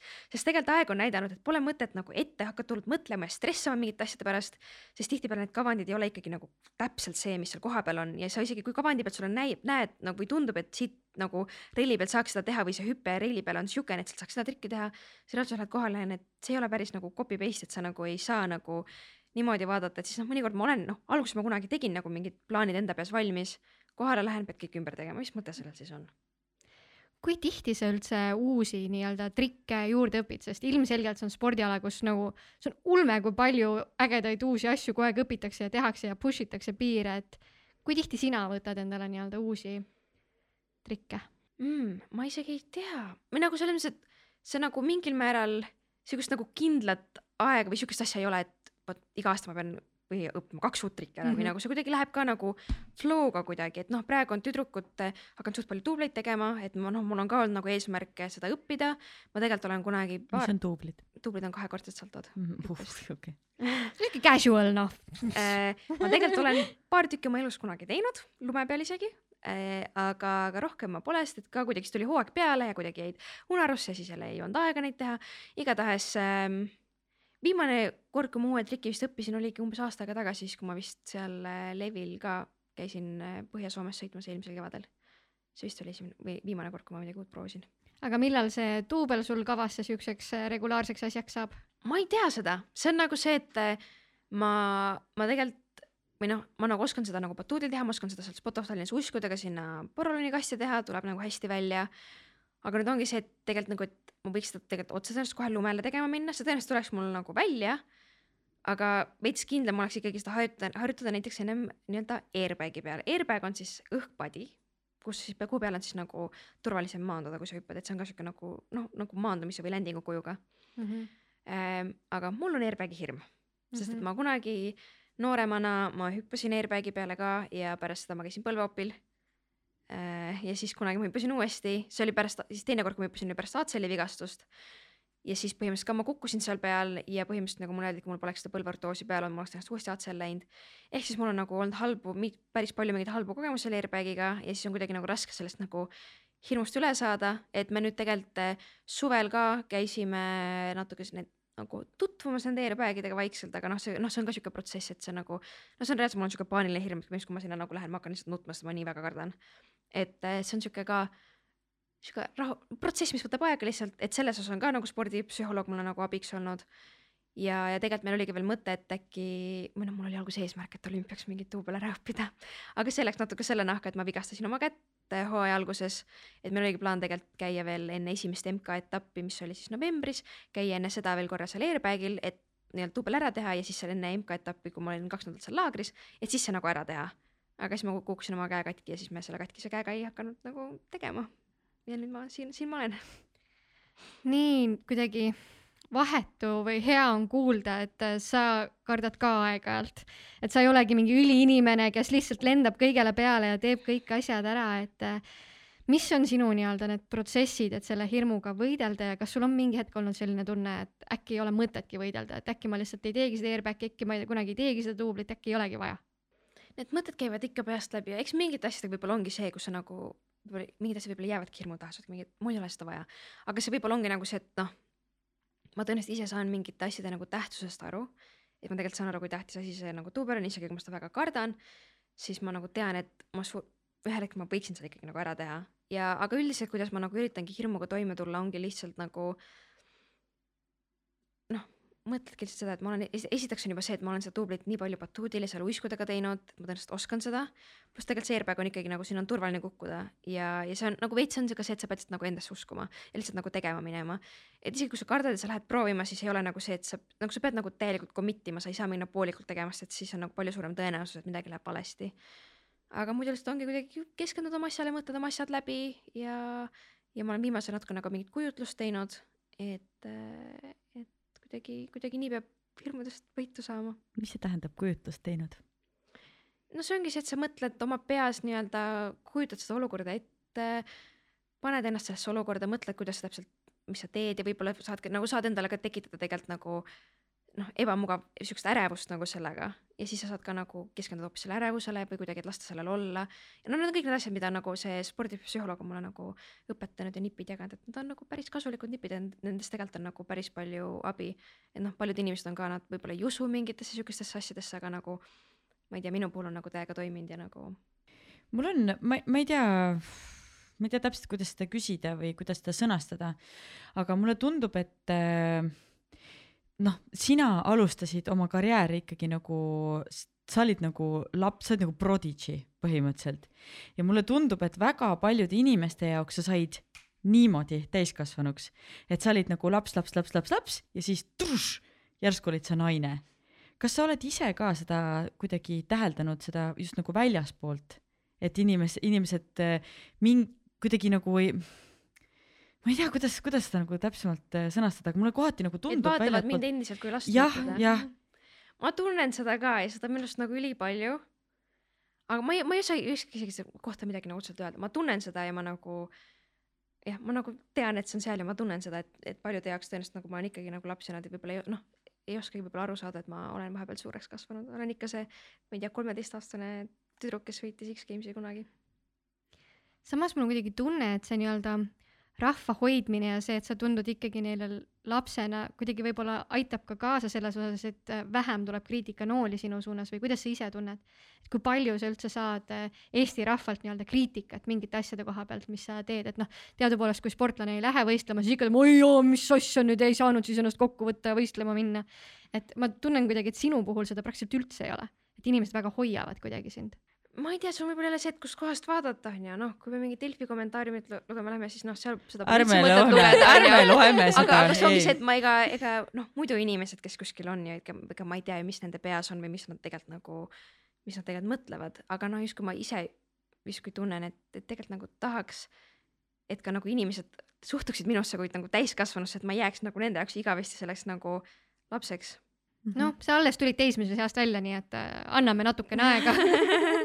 jah, kus sa iseennast äh, täna, sa küll ei armasta nii-öelda plaane väga pikalt ette teha, aga kus sa ise nii-öelda visualiseerides näed ennast viie aasta pärast?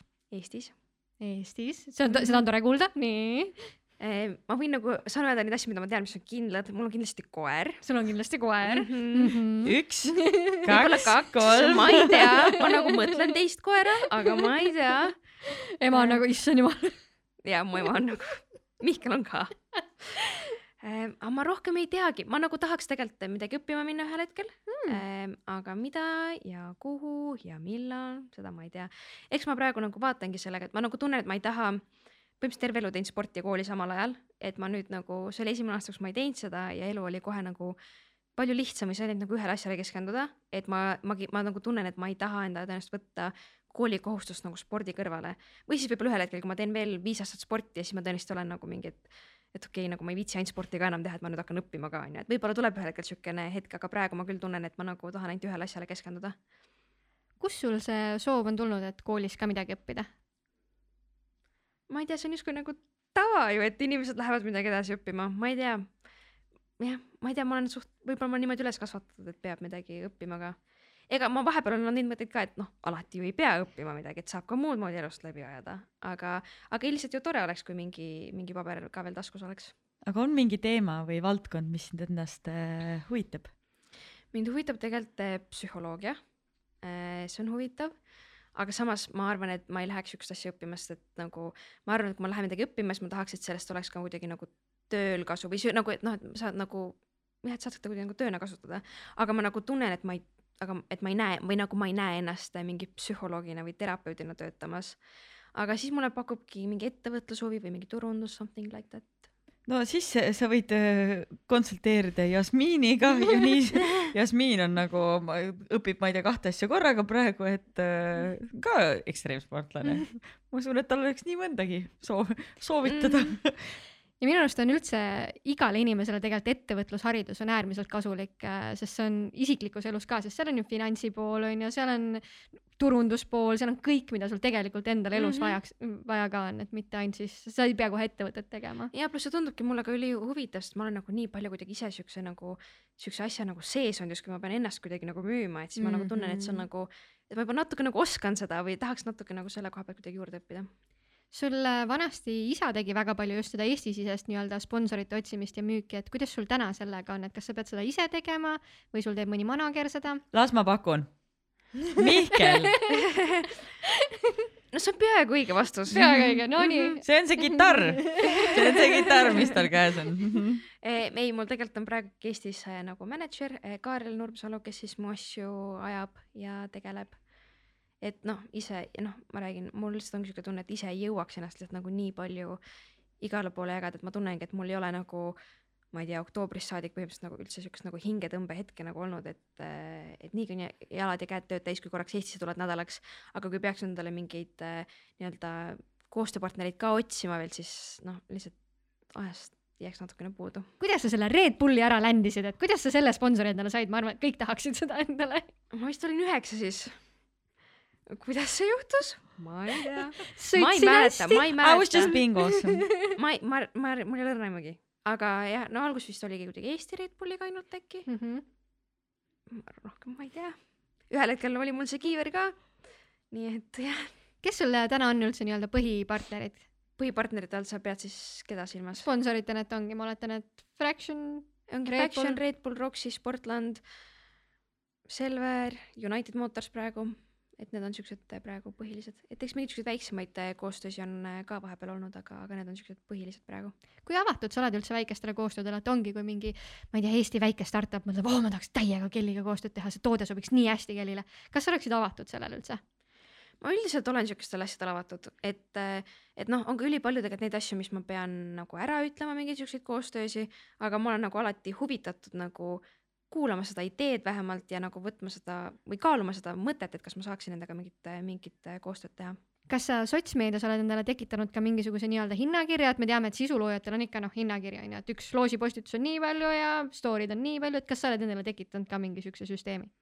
nüüd viimasel olen ja mul muidu alguses nagu ei olnud äh,, aga, aga nüüd kuidagi jah, viimasel ajal ma natuke midagi olen äh, nagu siukse asja, väikse hinnakirjakese endale kokku pannud mm. -hmm. aga seda tegid ise või arutasid kellegagi või kuidas, sest alati sisuloojad ütlevad, ah ma ei tea ju palju küsida. no eks äh,, eks ma natuke nagu pidasin nõu ka ja vaatasin ka nagu se- selle, selle nurga pealt või nurga ja vaatasin ka natuke nagu selle, selle nurga alt, et, et need kas et need oleksid ka natuke nagu võrdsed minu mingite teiste koostööpartneritega, et kuidagi või et nagu see suhe oleks kuidagi sarnane mm. -hmm. et, et nagu lähtuvalt, lähtuvalt sellest, aga muidugi nagu pidasin ka inimestega nõu, et, et mis see umbes võiks nagu olla, et ega noh, ega kus ma hakkasin nullist oska niimoodi öelda, et mis ma siis peaksin nagu no küsima. täpselt, et see on minu arust üks asi, mida, mis tuleb nagu kasuks, et kui sa mäel nagu ei lähe iga inimese juurde küsima, et oh, kuidas sa seda trikki tegid, onju, siis tegelikult ettevõtlus on küll see koht, kus tuleks tasuks kõigi käest küsida, et kuule, palju sa küsid ja kuidas sa seda teed, onju aga. see tundub natuke imelik küsida siukest asja ju. mis ei asja, Sandra, kui ma tuleks küsiks su käest, palju sa küsid postituse eest, kas sul oleks imelik? ei, ma ütleks hea meelega, ma mäletan siis, kui äh, Merlin Mido hakkas tegema rohkem mm. -hmm. siis äh,, siis ma olin ta nagu isiklik hotline vahe- vahepeal, jumala hea meelega, selles mõttes, et minu arust see läbipaistvus äh, ongi, see on, see on, see on tervislik ja see on, see on jumala hea. ei no ma tõenäoliselt võiksin ka teie käest küsima Mhm. tulla, aga Aga ma ei veits, läheks meil on mingi- veits teised hinnad, ma arvan. aga ma mõtlen, et ma ei läheks mingi täiesti suvalise inimese juurde, keda ma kunagi näinud olen tänaval kõnni juurde. kuule, palju sa küsid? nagu selliselt see oleks imelik. ma usun, et sellele inimesele see oleks nagu mega suur kompliment, mingi oh my god, Kelly. mis sa veel tahad? teada? tänava peal. ta ei kirjutanud DM-i, tal tuli tänava peal vastu. ja kui sa tahad kellegi tuju heaks teha, siis do it. aga kui me räägime suurest pildist, siis kas äh, ekstreemsportlasena Eestis elab ära mina elan. Ja oled oskan. rahul, et ma usun küll, või noh, selles mõttes, et ma räägin, et ma elan praegu emaga, onju, et mul Mhm. nagu ei ole endal otseselt siukseid võib-olla elamiskulusid. et aga emaga koos elan ära ja tõenäoliselt elaksin üksinda ka ära. aga kust sul see sissetulek, üks asi on nagu sponsorid onju, kas võistlustel on ka mingid võistlusrahad või kuidas see käib? jah, no ongi sponsorrahad on, siis on võistlusraha või nagu need äh, võiduboon- või nagu võistlusrahad, mis ma siis võist-, võisteldes saan. siis tegelikult mingitel sponsorlepingutes on veel võiduboonused sees Mhm. äh,. ja EOK-lt äh, saan ka mingeid toetusi ja mingeid ai- rahasid mm. -hmm. nii et äh, aga mis, kuhu need põhilised kulud lähevad, kas sa võistlema lähed, kas siis on seal mingid võistlustasud või sellised asjad ka või? jaa, mingid on küll, aga see on, aga noh, see võistlus makstavast nagu kui, no igal pool seda ei ole. no X-Gamesil ei ole, mingitel MK-del on, aga siis on ka mingi sada eurot, et see ei ole nagu mm. noh, nii suur summa, et Mhm. ikkagi kõige kallimad on ööbimine, autorent ja lennupiletid. Mhm. Ja laagritel ma kujutan ette, läheb päris palju raha, sest kogu aeg on vaja kuskil välismaal olla onju. noh, suhteliselt küll jah, no see sõltub ka hästi palju, et kuidas sa ise üritad läbi, et kas sa võtad endale viie tärni hotelli ja mingi hommiku-õhtusöökidega või sa võtadki endale mingi apartment'i onju, et mm. -hmm. et noh, me ikkagi üritame üldiselt võimalikult eh, odavalt nagu läbi ajada Mhm. ja no välismaal on toit kallim. Mhm, tõsi. aga ma tahaks natukene rääkida vaimsest tervisest. Natukene ainult mis asja? no me enne tegelikult juba veidike puudutasime ka, aga, aga kui palju, kui palju sina mõtled igapäevaselt äh, oma vaimse tervise hoidmisele? suhteliselt palju vist või nagu ma ei ole, ma nüüd ei ole kindel, mis see mõiste vaimne tervis otseselt tähendab. aga minu jaoks see justkui ongi nagu see, et ma pean nagu peas ennast hästi tundma ja siis ma tunnen ennast nagu ülejäänud asjadega ka hästi, et nagu noh, ma räägin, ma suht elangi sellise mentaliteediga, et nagu, et ma teengi seda, mis mulle nagu päriselt meeldib, et no okei okay,, mingeid asju peab ka nagu vastu tahtmist tegema mõnikord, mis ei ole nii nauditavad. aga ma ei taha nagu oma elu elada selliselt, et ma pean kõike tegema vastu tahtmist, et et kasvõi kui ma valin, kus ma treeninglaagrisse lähen, siis ma valin pigem noh, kui mul on võib-olla kaks kohta valikus ja võib-olla üks koht on noh, natuke parem teisest, aga ma tahaksin minna sinna, mis on halvem, siis ma pigem lähen sinna halvemasse, sest ma tean, et tõenäoliselt seal mu vaim on ise nagu rahul rohkem sellega ja ma tõenäoliselt nagu arenen rohkem ja mul on kergem nagu treenida, ehk ma nagu ikkagi no suht palju nagu lähtun, lähtun sellest. kas sa teed endale mingeid äh, nii-öelda mental check-up'e ka, et väga paljud inimesed armastavad päevikut pidada, et lihtsalt kaardistada ära, et mis emotsioonid täna olid või mis tunne täna oli, et kas sa kunagi teed endale siukseid tšekke ka? ma pole teinud, ma vist mingi hetk eh, üritasin mingit treeningpäeviku as-, laadset asja pidama hakata, aga ei. sul ei ole treeningpäevikut mul? ei ole treeningpäevik. oh,. Mihkel, treening, treeningpäevik on siin. mul on kõik meeles. Mihkli pulgad just kukkusid. aga reaalselt ei ole ju võimalik kogu infot talletada, et äh, või on? sa mõtled nagu treeningpäev? ja nagu tre-, nagu treeninginfot kõike, et noh, et oligi, et sellel päeval mul õnnestus see trikk, mis sest, et mu emotsioon oli sihuke ja ma sõin seda või mis iganes, et noh, mõned peavad ikka väga detailset treeningpäevikut ju.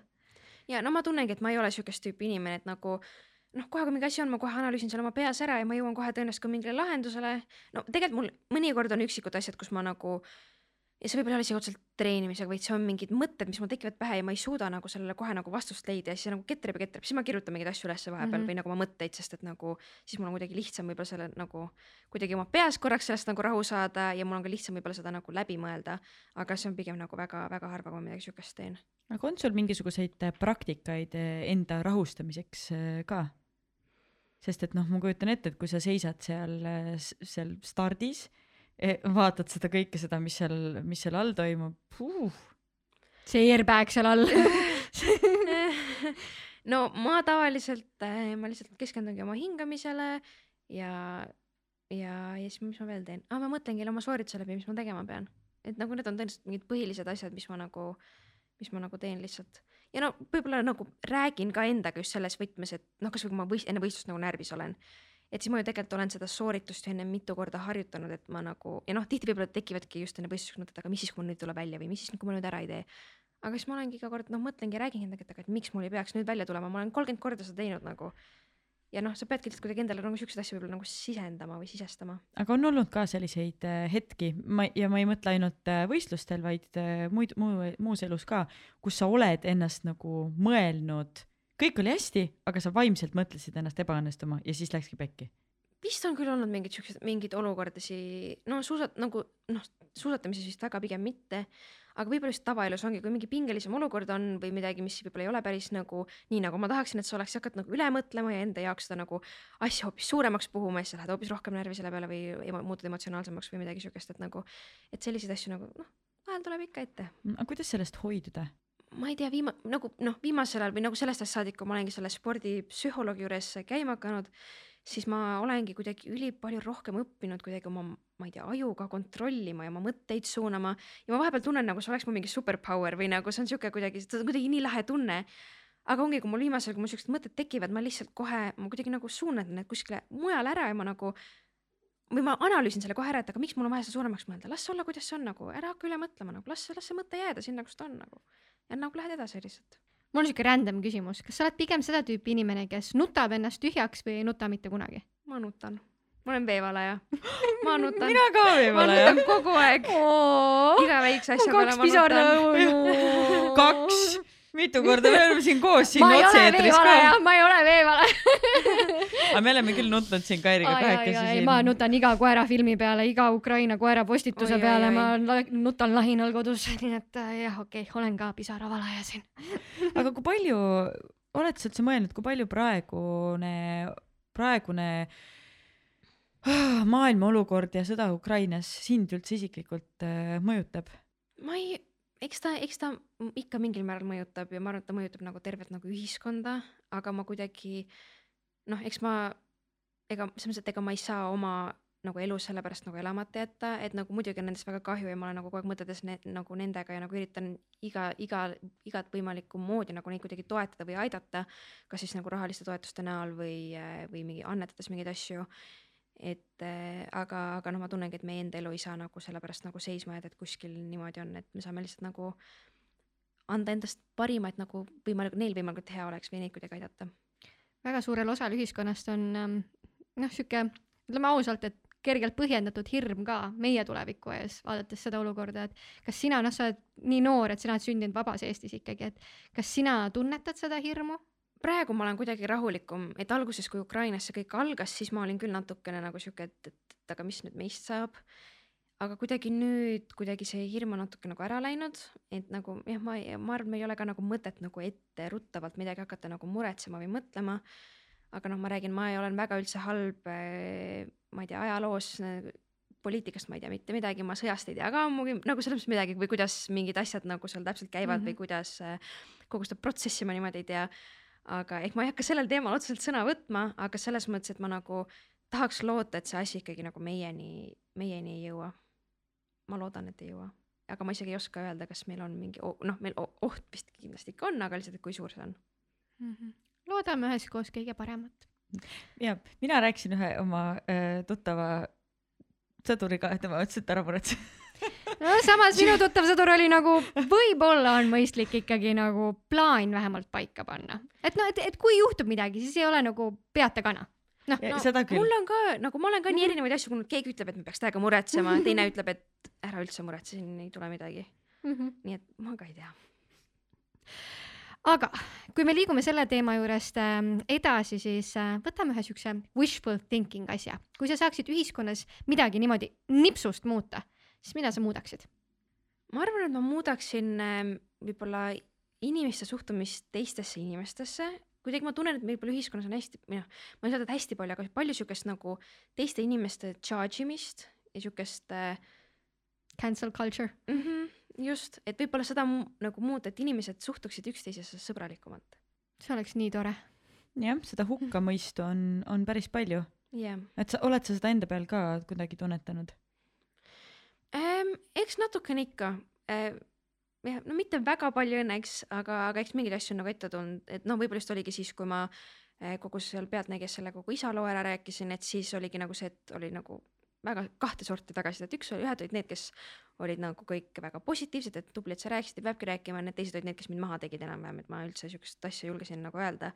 et eks siukest asja on ikkagi noh, ja noh, et mul vist õnneks ei ole väga palju, aga ma nagu kujutan ette, et mõndadel inimestel nagu on siukest, siukest asja natuke rohkem. Mm -hmm. mind täitsa huvitab, et mis need inimesed ütlesid, kes nagu maha tegid sind selle eest, mis nende põhjendus oli, et miks sa ei oleks pidanud nagu avalikult seda rääkima? ma ei tea, nad põhjendasid sellised, et miks ma peaksin oma musta pesu avalikkuses pesema. ega nad rohkem midagi väga vist ei põhjendanudki öelnudki. okei, ärme räägi nagu sellest roosast elevandist nagu toas, mis meil ühiskonnas on, et see ei ole ju okei tegelikult. Et sa oled väga julge ja väga tubli, et sa seda tegid, et äh, ma arvan, et äh, väga mitmel inimesel võis sellest oma elus kasu olla. ma loodan ka. aga ja ma, ma tahaks selle ühiskonna teemal ühe küsimuse veel küsida ja kui ma just räägin spordist, et mida me peaksime tegema selleks, et noored tahaksid rohkem sporti teha, sest et me ikkagi näeme praegusel ajal, et see liikumisvajadus on või, või see päevane liikumisvajadus su- suurem osa neist ei saa täis. Et ikkagi oleme füüsiliselt nõrgad. ma arvan, et peab noorte või ma tundub vähemalt, et noortele hakkab praegu rohkem huvi pakkuma ka sihuke ekstreemsport. et siuksed mingid kergejõustik ja mingid siuksed mingi ujumine võib-olla nagu ei paku enam nii palju huvi, et võib-olla just kuidagi nagu ühiskonnas ka rohkem esile tõstma just seda ekstreemsporti, et võib-olla nagu noored rohkem märkaksid seda, nad oskaksid võib-olla selle vastu hakata huvi tundma. või teine asi, mis on minu arust mida saaks võib-olla teha selle liikumisega on see, et kui noh, tahavadki olla kodus ja oma arvutimänge mängida ja oma telefonis olla, siis saab need kuidagi spordi ja need kaks asja kuidagi kokku panna. Nagu elus Fortnite. That would be dangerous, see toimub praegu Ukrainas. ma käisin VR-i mängimas kuskil Lätis või kus iganes mingis suures ruumis onju ja seal ongi niimoodi, et sa pead põiklema kõikide asjade eest ära vaata, sa teedki mingi sada kükki nagu ühe mängu jooksul, jumala korralik trenn, ilma et sa oleks aru saanud, et sa teed trenni tegelikult. aga selles mõttes ju- hea, mingi äpp olla, et kui sa näiteks käid jooksmas, oletame onju, saad oma punkte koguda, siis äkki saab mingit raha ja siis saad pärast seda Fortnite'is kasutada ja näiteks. Gamify, Gamify, kõik asjad Gamify. aga kas on vaja Gamify, kas ei võiks olla lihtsalt inimesel sees see tahe ise olla tugev, terve ja sportlik? kas sa mõtlesid kaheksa-aastasena selle peale või? ei no aga miks see ei ole, kust see tuleb, miks, miks sa ei mõtle ma arvan, et see on see, et kui sa vanemaks saad, siis hakkad selle peale jaa, mõtlema ma arvan ka, et see sest on mina ka vanusega. nagu noorena, noh, ma liikusin palju ja tegin trenni, aga ma ei mõelnud selliselt nagu spordist või liikumisest, kui ma mõtlen nagu täna. Siis see oli nagu lihtsalt fun, vaata, et ma, miks ma läksin sporti tegema, et sõpradega koos kergejõustikus olla või et sõpradega koos tantsida, mitte sellepärast, et ma tahan viiekümne aastaselt olla terve ja, ja Vormis. tugev ja vormis, onju. et noh, täna on need need põhjused, aga noortel ongi teised põhjused, mul ongi tunne, et me peamegi tegema, võimaldama seda, et inimesed saavad eks ekstreemsporti teha, et see on alati fun teha, et see kogukond seal ümber on äge, onju, et siis kindlasti tekib nagu selle harrastuse juurde ka rohkem rahvast. et tegelikult minu jaoks on nagu kummaline ka see, et kas täna kehalise kasvatuse tunnis üldse saab näiteks minna lumelauaga sõitma või?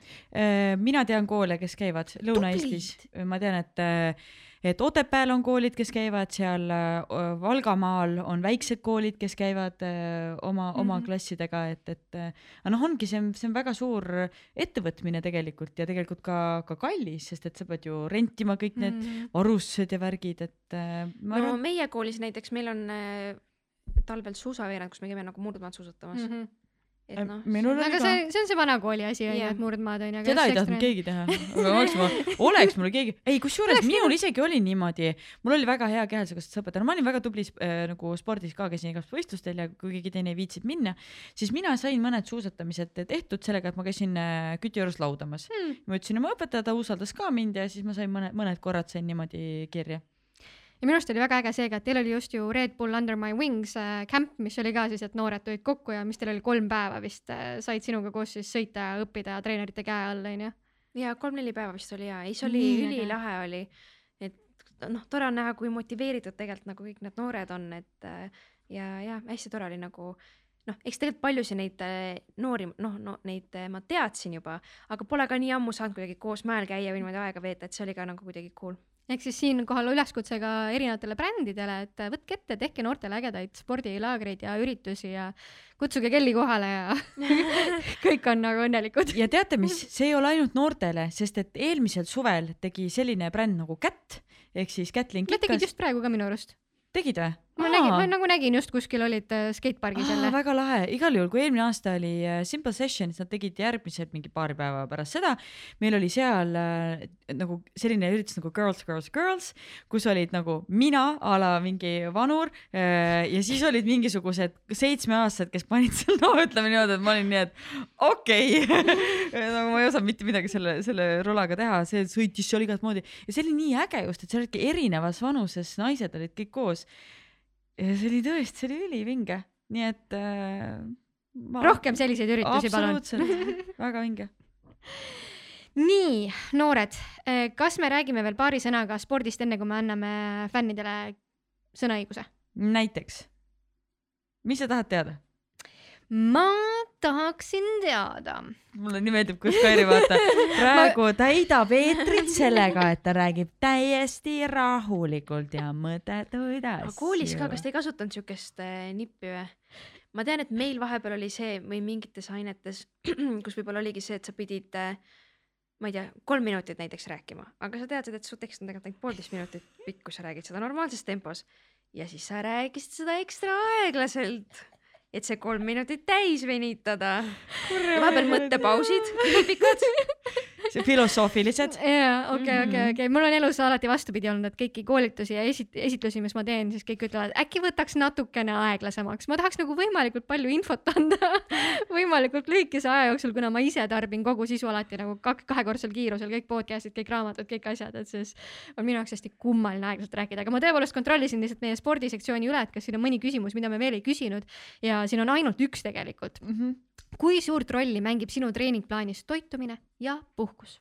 ma toit, mul nagu siukest spetsiaalset toitumiskava ei ole, ma üritan nagu toituda tervislikult ja mitmekülgselt, noh, see alati võib-olla ei tule kõige paremini välja, aga ma olen nagu ka sihuke, et suht nagu noh, söön seda, mida tahan siis, kui tahan enam-vähem mentaliteediga, et nagu ähm, et ma kuidagi ei hakka ennast piirama, et kuna no minu spordil see nagu otseselt ei mängi, mängi nagu rolli ka otseselt see või nagu toitumine otseselt või, või see noh, kehakaal mingil määral, määral mängib rolli, kui liiga kerge oled, siis hoog on ju, aga aga üldiselt mitte. Mm,. ja puhkus on ikkagi suht suur roll, sest et ma arvan, kui sa ei puhka, siis tulevad vigastused. Ja, ja noh, suht äh, ma seal viimasel hooajal nüüd oligi niimoodi, et, et ma suhteliselt juba teadsin, et, et mitu võistlust ma umbes suudan järjest teha või mis koormusega ma umbes suudan sõita ennem kui mul oleks puhkust vaja, et siis oligi niimoodi, et äh, mingile võistlusele ma jätsin tegelikult minemata ka vist aasta lõpus, sest oligi noh, kõik asjad oleks nii järgi olnud, et ma teadsin, et tõenäoliselt mu keha lihtsalt ei oleks ära taastunud nagu sellest, et, et nagu puhkus on, puhkus on väga olulisel kohal.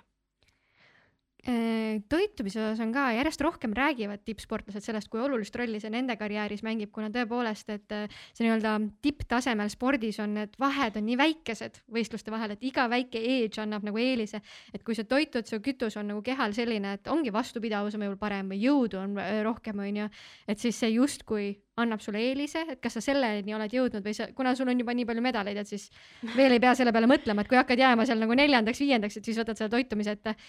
ma arvan, et meie spordiala on veits teistsugune ka. et noh, noh, ma muidugi nüüd ei tea, et kuidas mingid kergejõustiklased või mingid vastupidavussportlased, näiteks jooksjad mm, Mhm. -hmm. no kuidas nad peavad täpselt oma sööma. aga, aga ma kujutan ette, et nad peavadki kas täpselt võib-olla mingi sooritus või no mingil, mingil hetkel mingi asja nagu ära sööma, et energiat sellest saada mm -hmm. või Mhm. jõudu, onju. Aga meil kuidagi sihukest asja ei ole, võib-olla teistel sportlastel on, ma ei ole muidugi nagu tähele pannud, et keegi kuidagi niimoodi kella pealt täpselt võtaks oma mingi karbi kuskilt välja et, et meil ongi kuidagi üldse see sport, kõik on vabam, ma arvan, et see söömine mm. -hmm. täpselt samamoodi, et eks ma noh, muidugi toidul on hästi suur roll ja sellest on, nagu on hästi palju abi. aga, aga praegu ma küll kuidagi ei ole nagu tundnud, et mul oleks nagu nii suur vajadus kuidagi oma toitumist niimoodi nagu jälgida. äh, see tuleb vanusega. kümne aasta pärast räägime uuesti. jah, täpselt. siis on niimoodi, et nuusutad. kümme kilo juures. Ehm, aga ma tahaks viimase küsimusega küsida, et eh, kuidas Kelly Sildaru puhkab? mis, mis on sinu jaoks puhkus? Ma arvan, puhkus on see, kui ma saan lihtsalt kodus olla või kui mul ei ole kohustusi, et nagu ma ei ole väga sihuke inimene ka, kes tahab lihtsalt nagu mingi päev otsa mingi diivanil eh, või voodis vedeleda, mitte midagi teha, et mulle meeldib toimetada, liikuda, käia. aga puhkus, ma arvan, ongi see, kui mul ei ole otseselt kohustusi, et ma võin, võib-olla olengi esimesed pool päeva olen voodis, ma otsustan, et no nüüd ma lähen kinno näiteks või siis ma lähen sinna, et teen nagu täpselt nii, kuidas ma tahan. sul tundub olevat väga äge elu. Ma ei tea, nagu minu jaoks on nagu tavaline või selles mõttes, et ma ei nimetaks seda ägedaks eluks otseselt, see on tore. oota, aga ma siis küsin viimane, okei okay,, viimane küsimus, ma panen see esimeseks fänni küsimuseks. Nonii, fänn Sandra tahab teada, et eh, kui vana on liiga vana, et alustada eh, ekstreemspordiga, aitäh. noh, selles mõttes, et äh, no üldiselt ikkagi hakatakse suhteliselt varakult nagu vähemalt minu alal tegema, et kuskil kolmekümneselt hakatakse sporti lõpetama. no okei okay,, I m No. done. kuule, kuule, kuule, kuule. mõned lõpetavad juba tegelikult isegi nagu noh, natuke parem, no mehed just, et nagu selle kogu selle rütmi asjaga on ja arenguga on nii raske lihtsalt kaasas püsida ähm,. aga selles mõttes, et mine sa tea, et äkki sa võiksid treenima hakata, et äkki kuskil kümne aasta pärast tuleb meil ka mingi seeniorite klass välja, et siis sa vähemalt oled juba valmis. oleks, mõtle kui äge see oleks. ma pean oma julguse tagasi küll.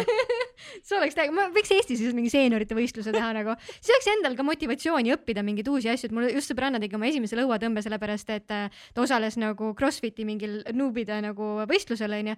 ja kui meil oleks ka siuke võistlus, ma õpiks ka lõpuks lauaga mingit trikki ära, sest praegu ma lähen mäele, ma olen mingi nojah, aga nagu mis, miks ma õpin neid või nagu mis, mis see mulle annab. amatööridele võiks ka olla, kusjuures Sandra, amatöör-seenioritele, palun võistlused. Sandra Vabarna käis, ta hakkas tennist mängima, siis ta käis eelmine aasta sellisel, ma pean täpsustama selle nime, aga see võistluse nimi oli a la mingi aplad amatöörid või midagi sellist.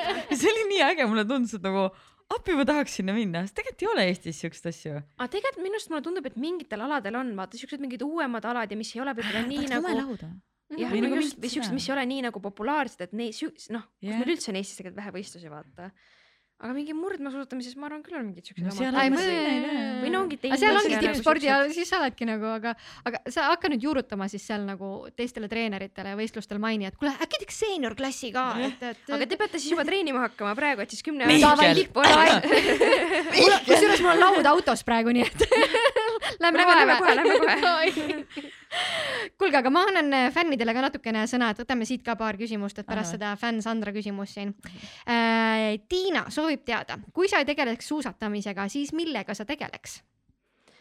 noh, kui ma oleksin kunagi, kui mind poleks kunagi suusatama pandud või kui ma poleks nooremana hakanud nii palju suusatamisega tegelema, siis ma tõenäoliselt äh, ma tahtsin balletti minna tantsima või mingi iluuisutamist, nii et tõenäoliselt ma teeksin midagi siukest, ma arvan. Või noh, ma nüüd ei tea, kui, kui, kui kaua ma seda asja teinud oleksin, et võib-olla ma oleks käinud kaks nädalat trennis, mingi rohkem ei taha. aga, aga selles mõttes, et, et see oli midagi, mida ma tahtsin teha, mul mingi tantsimine üldse meeldis mulle, aga ma käisin korvpallis vahepeal, korvpallitrennis mingi aasta-kaks äkki ähm,. aga praegu, kui ma nüüd sporti teeks, ma arvan, ma tegeleksin koeraspordiga. Hmm. aga seda on võimalus teha ju. aga ma teen seda niikuinii Nii,, aga siis ma lihtsalt teeks rohkem. siis ma hakkasin praegu kujutama ette, et äkki on kuskil paralleeluniversumis praegu Kelly Sildaru, kes on baleriina. see oleks nii Oh. nagu, see on nii huvitav Patrik, pane siia see. nii, aga võtame siit järgmise küsimuse. Rain soovib teada, kui vabastav on see, kui saad olla täiesti aus ja siiras? mulle meeldib olla aus nagu selles mõttes, et, et või nagu isegi kasvõi kuskil mingil intervjuudes ja nagu noh, eks võib-olla meedias sa alati võib-olla ei saa ikkagi öelda seda, mida sa võib-olla päriselt tunned, sa tahaks öelda, aga mul on alati pärast seda siuksed veits nagu siuksed süümekad või nagu, et sest mul on siuke tunne, et kui ma ei ütle, räägi tõtt või kui ma ei ütle nagu nii, kuidas asjad on, siis ma nagu justkui nagu valetaks. ja aga mulle ei meeldi siuke nagu, mulle meeldib, mulle meeldibki olla siuke avameelne ja nagu jagada oma mõtteid ja tundeid täpselt nii, nagu ma arvan või, või kuidas ma tunnen. nii äge, aitäh, Kelly. aitäh, Sandra nii äh,, aga ma annan siin veel ühele Kellile sõnaõiguse. esimene mõte peale viimast olümpiasooritust. no ma räägin, mul nende võistlustega on lihtsalt nagu mingi, mälu ei ole lihtsalt, nagu ülitihti küsitakse mu käest ka, et aga et mis muusikat sa kuulasid viimasel ajal, ma mingi, mul ei ole õrna aimugi. lihtsalt mul mälu ei ole, aga esimene mõte tõenäoliselt, kui ma pärast oma viimast olümpiasõitu, ma tõenäoliselt mõtlesin seda, et jess, ma suuski ei jalga mm. -hmm. suht Win kindlalt, win. ja ma maandusin ära, sest ma tegin ka seda vist tonni viimasest hüppest ja siis mul oli lihtsalt hea tunne, et noh, suuski jäi vähemalt jalga.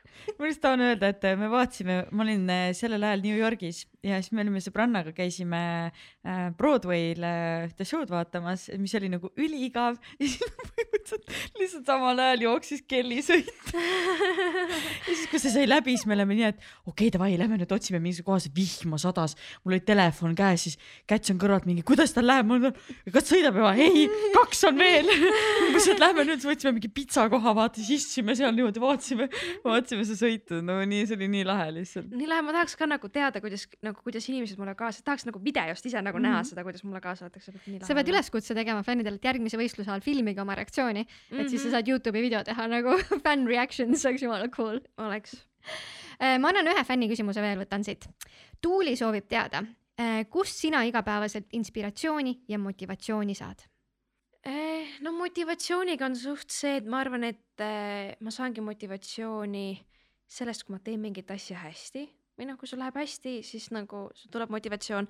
isegi kui sel päeval motivatsiooni ei ole ja siis ikkagi lähed trenni ja teed oma asja ära, siis see annab sulle motivatsiooni. see on niisugune nagu eneseületus või see, et sa suudad ennast nagu ka raskel hetkel nagu kokku võtta ja ma arvan, et see annab nagu jõudu ja energiat nagu järgmiseks päevaks ka. Ma sekundeerin täiesti, mul on täpselt samamoodi. kirjutan ka alla.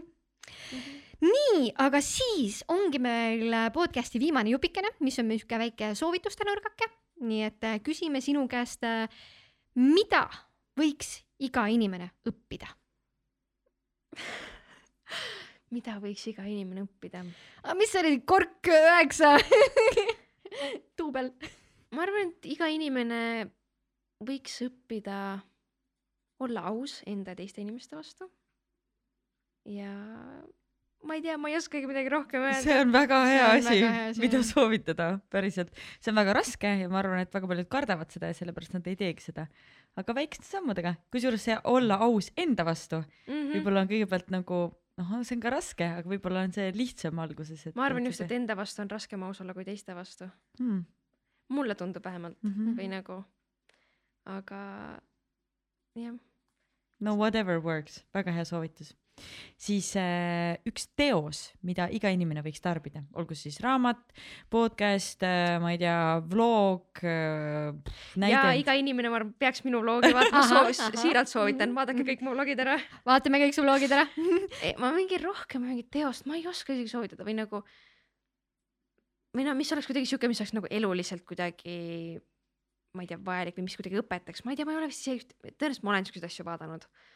aga nagu see võib vabalt ka tule, lihtsalt hea laul olla, mis paneb alati tantsima või tõstab meeleolu või mis iganes, et see ei pea olema alati nii deep. mul ei ole isegi oma mingit playlist'i, nii et mul ei ole ka ühtegi laulu mm,. aga oota, ma mõtlen, kas ma olen mingeid filme viimasel ajal vaadanud. lebotades Netflixi seriaal või midagi siukest. vaata, ma just eile vist või üleeile ma just vaatasin oma seda film, neid DVD-plaate, mis mul kunagi väiksest ajast saadik olid. ja siis ma mõtlesin, et, et ülilahe oleks, no ma olen kunagi hull Pipi fänn ja mul kõik mingid, mul on neli mingit Pipi seda DVD-plaati. mõtlesin, et peaks need kõik neli tükki ära vaatama. Nii et äkki keegi teine, soovitan kellelgi teisel ka lihtsalt võtke mingi vana film või midagi, mida te lapsepõlves vaatasite ja vaadake või mitu osa isegi, vaadake kõik need ära. kusjuures Pipi on väga hea soovitus Mhm. üleüldiselt, see on ikkagi väga, no see on ikka power, klassikana. väga empowering, et äh, mm, lahe soovitus. nii ja viimane soovitus, üks koht, mida võiks iga inimene külastada. Uus-Meremaa. jah, jah, jah. jah, sellest on mu lemmik. kas nad on lahti nüüd või? Uus-Meremaa või on saavad coming ainult. sportlased Nad vist, sinna ma? just kuulsin vist, et äkki kas esimesest juunist või esimesest maist äkki nüüd nagu saab. I m coming. ei, tegelikult ma arvan, on ülipalju veel ilusaid ja lahedaid kohti maailmas nagu noh, kuhu võiks kindlasti minna. aga, aga ma arvan, et see Uus-Meremaa, siis on mulle endale kuidagi nii südamelähedane ja ma arvan, et see on hästi tore, ta on teistsugune, ta on mm. -hmm. hästi teistsugune nagu ülejäänud maailmast. mina olen ka kuulnud ikka, et need, kes väga palju reisivad, siis see on see üks koht, mis on alati neil hinges nagu. No Austraalia tegelikult on ka nagu ülilähedal sellele, aga Austraalia on hoopis midagi muud ja nagu Austraalia üldse nagu ei meeldi mulle nii palju, mm. -hmm. nii et. väga lahe. noored, on aeg tänaseks kokku pakkida, aitäh, Kelly, et sa meile külla tulid. aitäh, et kutsusite. väga lahe oli, tõesti. tänud. ja aitäh, kuulajad-vaatajad, et olite taas kord meiega ja järgmise korrani. Sportland, Be First podcast